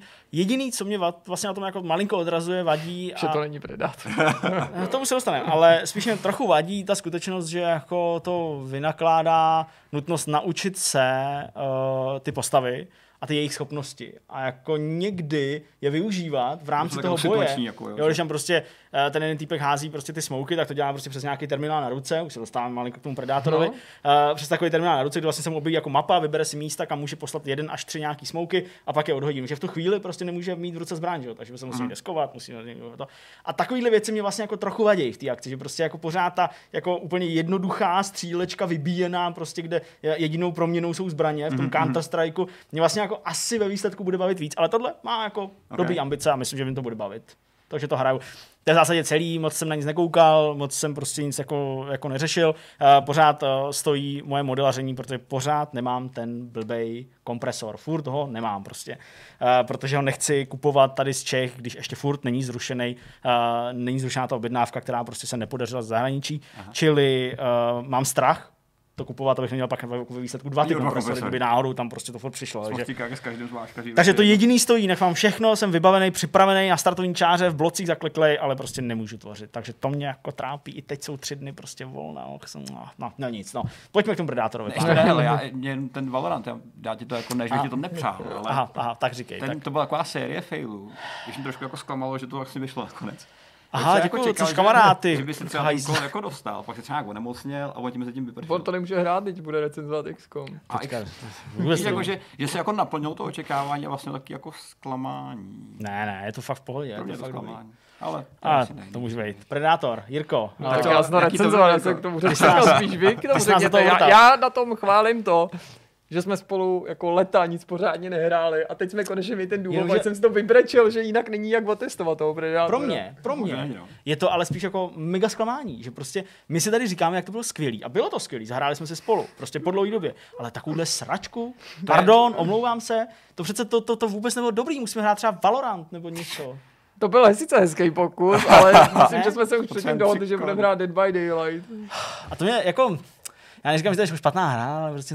Vlastně já ten Valorant teďka má kolo, tak to o to nejde, no. prostě. Nejde o to. Ne, no. Hele, teďka to nebudeme No hrát jaký vůbec jste z toho měli pocity? Já jsem to zrecenzoval, eh, číslo padlo, do poslední chvíle jsem váhal prostě nad tou známkou, tak jako Já. vždycky, ale to už teďka není důležitý, prostě aha. známku to má, viděl jsem na tom i lepší stránky, já totiž mám hrozně nerad, když eh, nejen novináři, ale i hráči, když cítí, že je jako někde v dosahu nějaká jako slabá, potenciálně velmi Mhm. slabá kořist A a když to už se to zvrhne, jako že každý se na tom chce Hmm. jako No, vybít se a jako nelíbí. ukojit a já se jako snažím fakt, jako neříkám, že se mi to daří, jo, ale snažím se být eh, maximálně spravedlivý vůči těm hrám, vážit všechno, cenu, zkušenosti vývářů, o kolikrát Jasně, se o třeba v tomhle případě ten žánr už pokouší, jak dopadly ty předchozí pokusy. Je to jako jenom objektivně, v uvozovkách objektivně, jako takový a makový, nebo jsem se u toho bavil, vlastně jsem se toho bavil, ale proč jsem se bavil, nebylo to, souviselo to Hmm. spíš s tím, že my jsme si z toho zábavu udělali navzdory těm kvalitám a pak takový to základní na konci, že jo, kdy prostě ty čísla v očích lidí mají často jiný významy a jinou hodnotu, než by měly mít, protože se nevyužívá často ta stupnice, takže klást si otázku, je to průměrný, je to průměrný za tu cenu, nebo je to nakonec pořád podprůměrný a co by to muselo mít navíc, nebo o kolik by to muselo být hmm. levnější. Tady nepochybně do toho ta cena vstupovala uh, a jsem si říkal, hele, muselo by to být ještě o fous fakt levnější, aspoň 30 dolarů nebo 20 dolarů, abych byl třeba benevolentnější a ne, nesměl by to být třetí pokus prostě stejných lidí o asymetrickou multiplayerovou akci, ale mě zajímá, jako, jaký to bylo pro vás prostě. Ta skutečnost, že když něco hraješ v koopu, že je ta hra lepší, tady sluší se podotknout, že není lepší ta hra, ten zážitek je lepší. Ta hra je pořád stejně špatná samozřejmě. Ale na tom celém mi vadí to, co jsi říkal, že lidi se k tomu vyjadřují hrozně jako extrémně, jako že je to odpad a, a, a, a blitka a tohle je to možný. A hmm. Já tady to nerad dělám, i když je to sebehorší. Ta hra samozřejmě není dobrá, to hodnocení, jako s tím já asi souhlasím ve výsledku docela dost. Jenom prostě člověk sám ví, jak moc je těžké něco vytvořit. Ty lidi, kteří na té hře pracovali, ji nedělali úmyslně špatnou. Eh, Věřili, že mají prostě ruce produkt, který může být dobrý a někdo si prostě po dvou letech práce nezaslouží říct, že to je úplný, úplný, úplná jako špína, úplně jako ekl, jo, což prostě si myslím, že není fér. Ale samozřejmě chápu, že jak se říkal, je to po dlouhé době titul, který je hodně jako porovnávaný s těmi aktuálníma špičkami, který vycházejí neustále.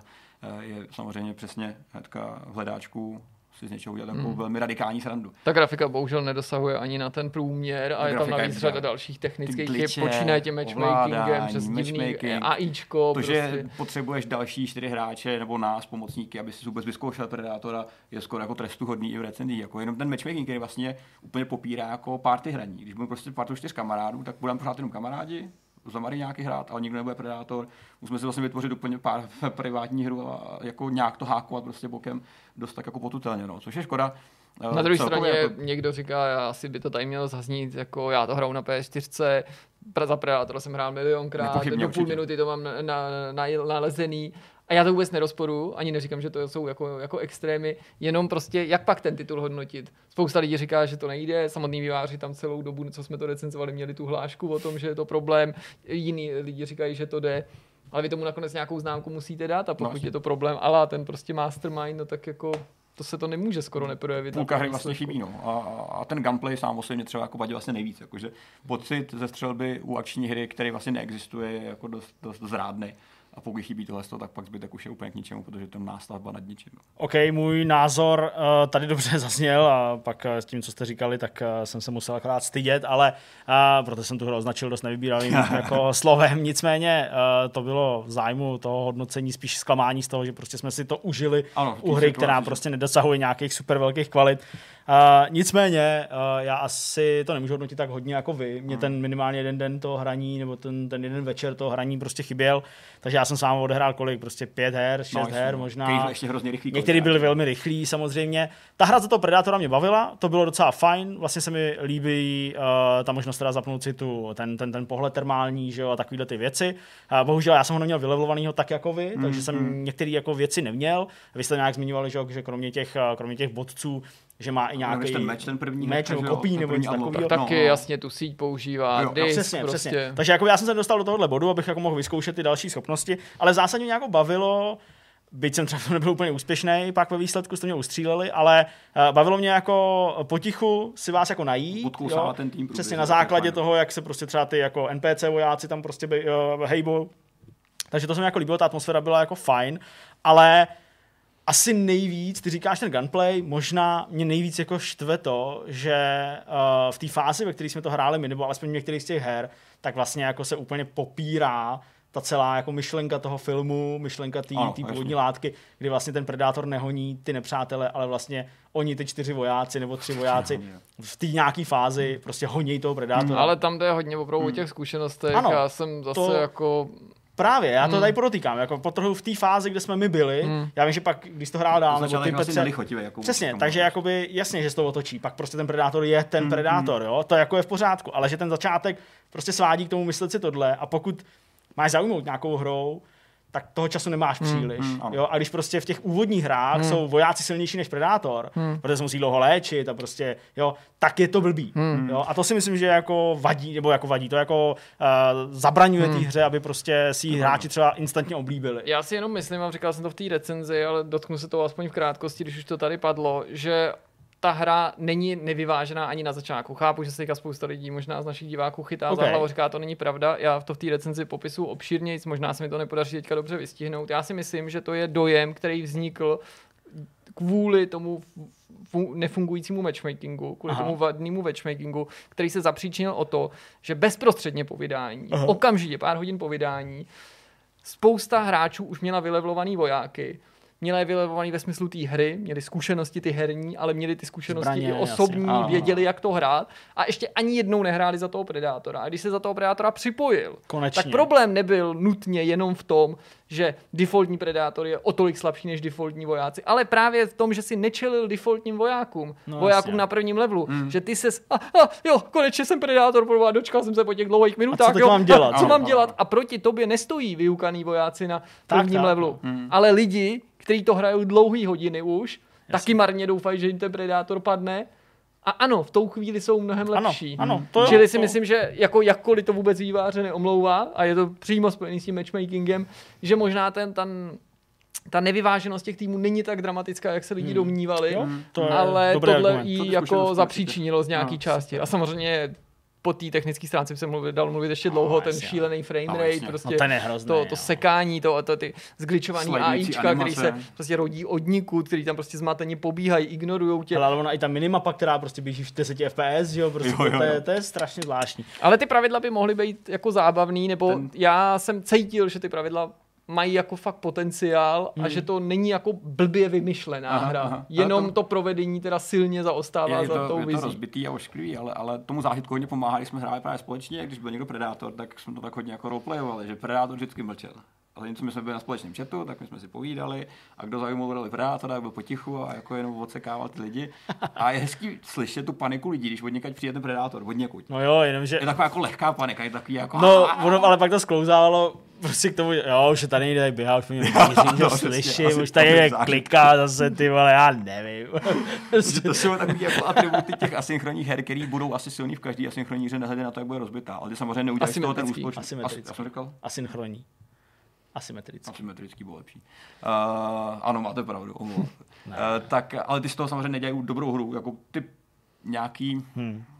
Jak se tomu říká, ty slova, to dneska. Zkus to, pojď. Uh, Pojď, Peťo. Předpoklady Ah, pro to je dobrý zábavnost té slovo. hry jsou daný tím žánrem, ale už nehrou samotnou hmm. nutně. Což nás teď přivedlo na úvahu, že jsme si mohli zahrát Dead by Daylight a zkusit na, najít nějakou jako zábavnou asymetrickou Zkusíme to. hru. Uh, poslední vlastně věc, na kterou jsem úplně zapomněl v tom mm-hmm. povídání, o tom, co jsem viděl nebo neviděl. Já jsem zapomněl, že jsme se vlastně o víkendu jsme se s Marketou podívali na Predátora.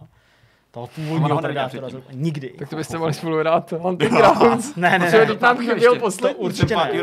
To určitě ne. Uh, nemáme, Jak určitě ne. nemáme, dva, nemáme dva, dva PlayStationy. Si tady Já půjčit. ti půjčím a mám taky dva. Dobrý hoši. Brzděte, jo. Nebudeme hrát Chtěl jsem jenom říct, ten, uh, ten Predátor uh, u mě obrovský zklamání a možná i důvod, proč to nebudeme hrát. Marketě se to jako nelíbilo, ona u toho jako, jako koukala na mobil. Prostě. Jak můžeš koukat u Predátora na mobil, ať jsi jakýkoliv člověk. Jaký to mám takhle jako vysvětlit, nevím. Jako dokoukala to, byla, byla, já klidně byla, byla, jako, byla jako odvážná, uh, prostě svědomí toho, že to je prostě chlapácký film. Tomu jsme se docela smáli na začátku, jako, že je to fakt jako macho film, jo, opravdu jako chlapácký. ruka, prostě. jak Přesně, jo. přesně. No, Jo, jo, aha, odsud je ten mem, že jo, prostě neznalý lidi. Aha, jo, nebo prostě, jo, v podstatě, já nevím, hodinu je to bez holky, že jo, 25 minut se neřekne vůbec nic v tom filmu, jenom prostě drsný záběry na osvalený týpky, že jo, a tak dále. Tak tohle jako bylo fajn, ale jako, jako nedokoukala to teda úplně je jako s nějakým nadšením. Já jsem to hltal až do, do, do, do samého závěru. Zkuste ty další, těch Bylo máte to ještě. Ty jsou je ještě horší. Ale uh, ona hodně kouká na ČSFD a jako musela pak uznat, že teda jako asi to teda fakt bude nějaký dobrý, když to má 86% na ČSFD. Uh, u té příležitosti já jsem se na ten profil taky podíval a zasmál jsem se hnedka u první věty toho popisu, uh, která zní v džungli přistane kosmická loď, posedí ještě, na jejíž palubě je dokonale vybavený mimozemský Nimrod. Nimrod je docela... okay. Takže takovýhle, takovýhle lovec, Mi říká spoustu o přesně, tom. takovýhle lovec a, a, a milovník prostě uh, přírody a v zásadě nějaký hajnej, tak, tak vesmíru. Vesmírný myslivec. To, to, ale to je taková škoda, že prostě jsem tu terminologii přesnou a správnou neznal předtím, než jsem se pustil do té recenze. Mně tam chyběly ty složka, ten mimozemšťan, predátor, prostě lovec, to jsem taky furt použil, prostě obávaný, prostě nepřítel. a prostě teď jsem tam mohl Nimroda hodit aspoň párkrát. Dělá prostě nová hra, dělá Nimrodovi prostě ostudu. Tak tolik Nimrodovi, tolik asi i k Tolik Vidcastu. k čemu, už je čas jí pryč, tady fakt dlouho dneska. Dneska je skoro A 9 vsedou, lidi, ale- skoro 9, to je fakt šílený. Tak uh, se s váma loučíme, přejeme vám hezký začátek týdne. Aha. My máme před sebou uh, pátek, který asi nebude moc státní svátek a Musí víkend. být. Musí být. A uh, těšíme se, co nám přinese tento týden. Tento týden by mohl být docela zajímavý, i vzhledem k tomu, co padalo na konci minulého týdne, tedy dnes, ohledně Xboxu a nových her a tak dále. No. Bude květen. Už je květen, Petře. Oh, la, la. Už je květen. OK, lásky část bude prvního. Pojďme se líbat pod uh, tak zítra se uvidíme. Mm. Tak se mějte. Ahoj. Zdarejc.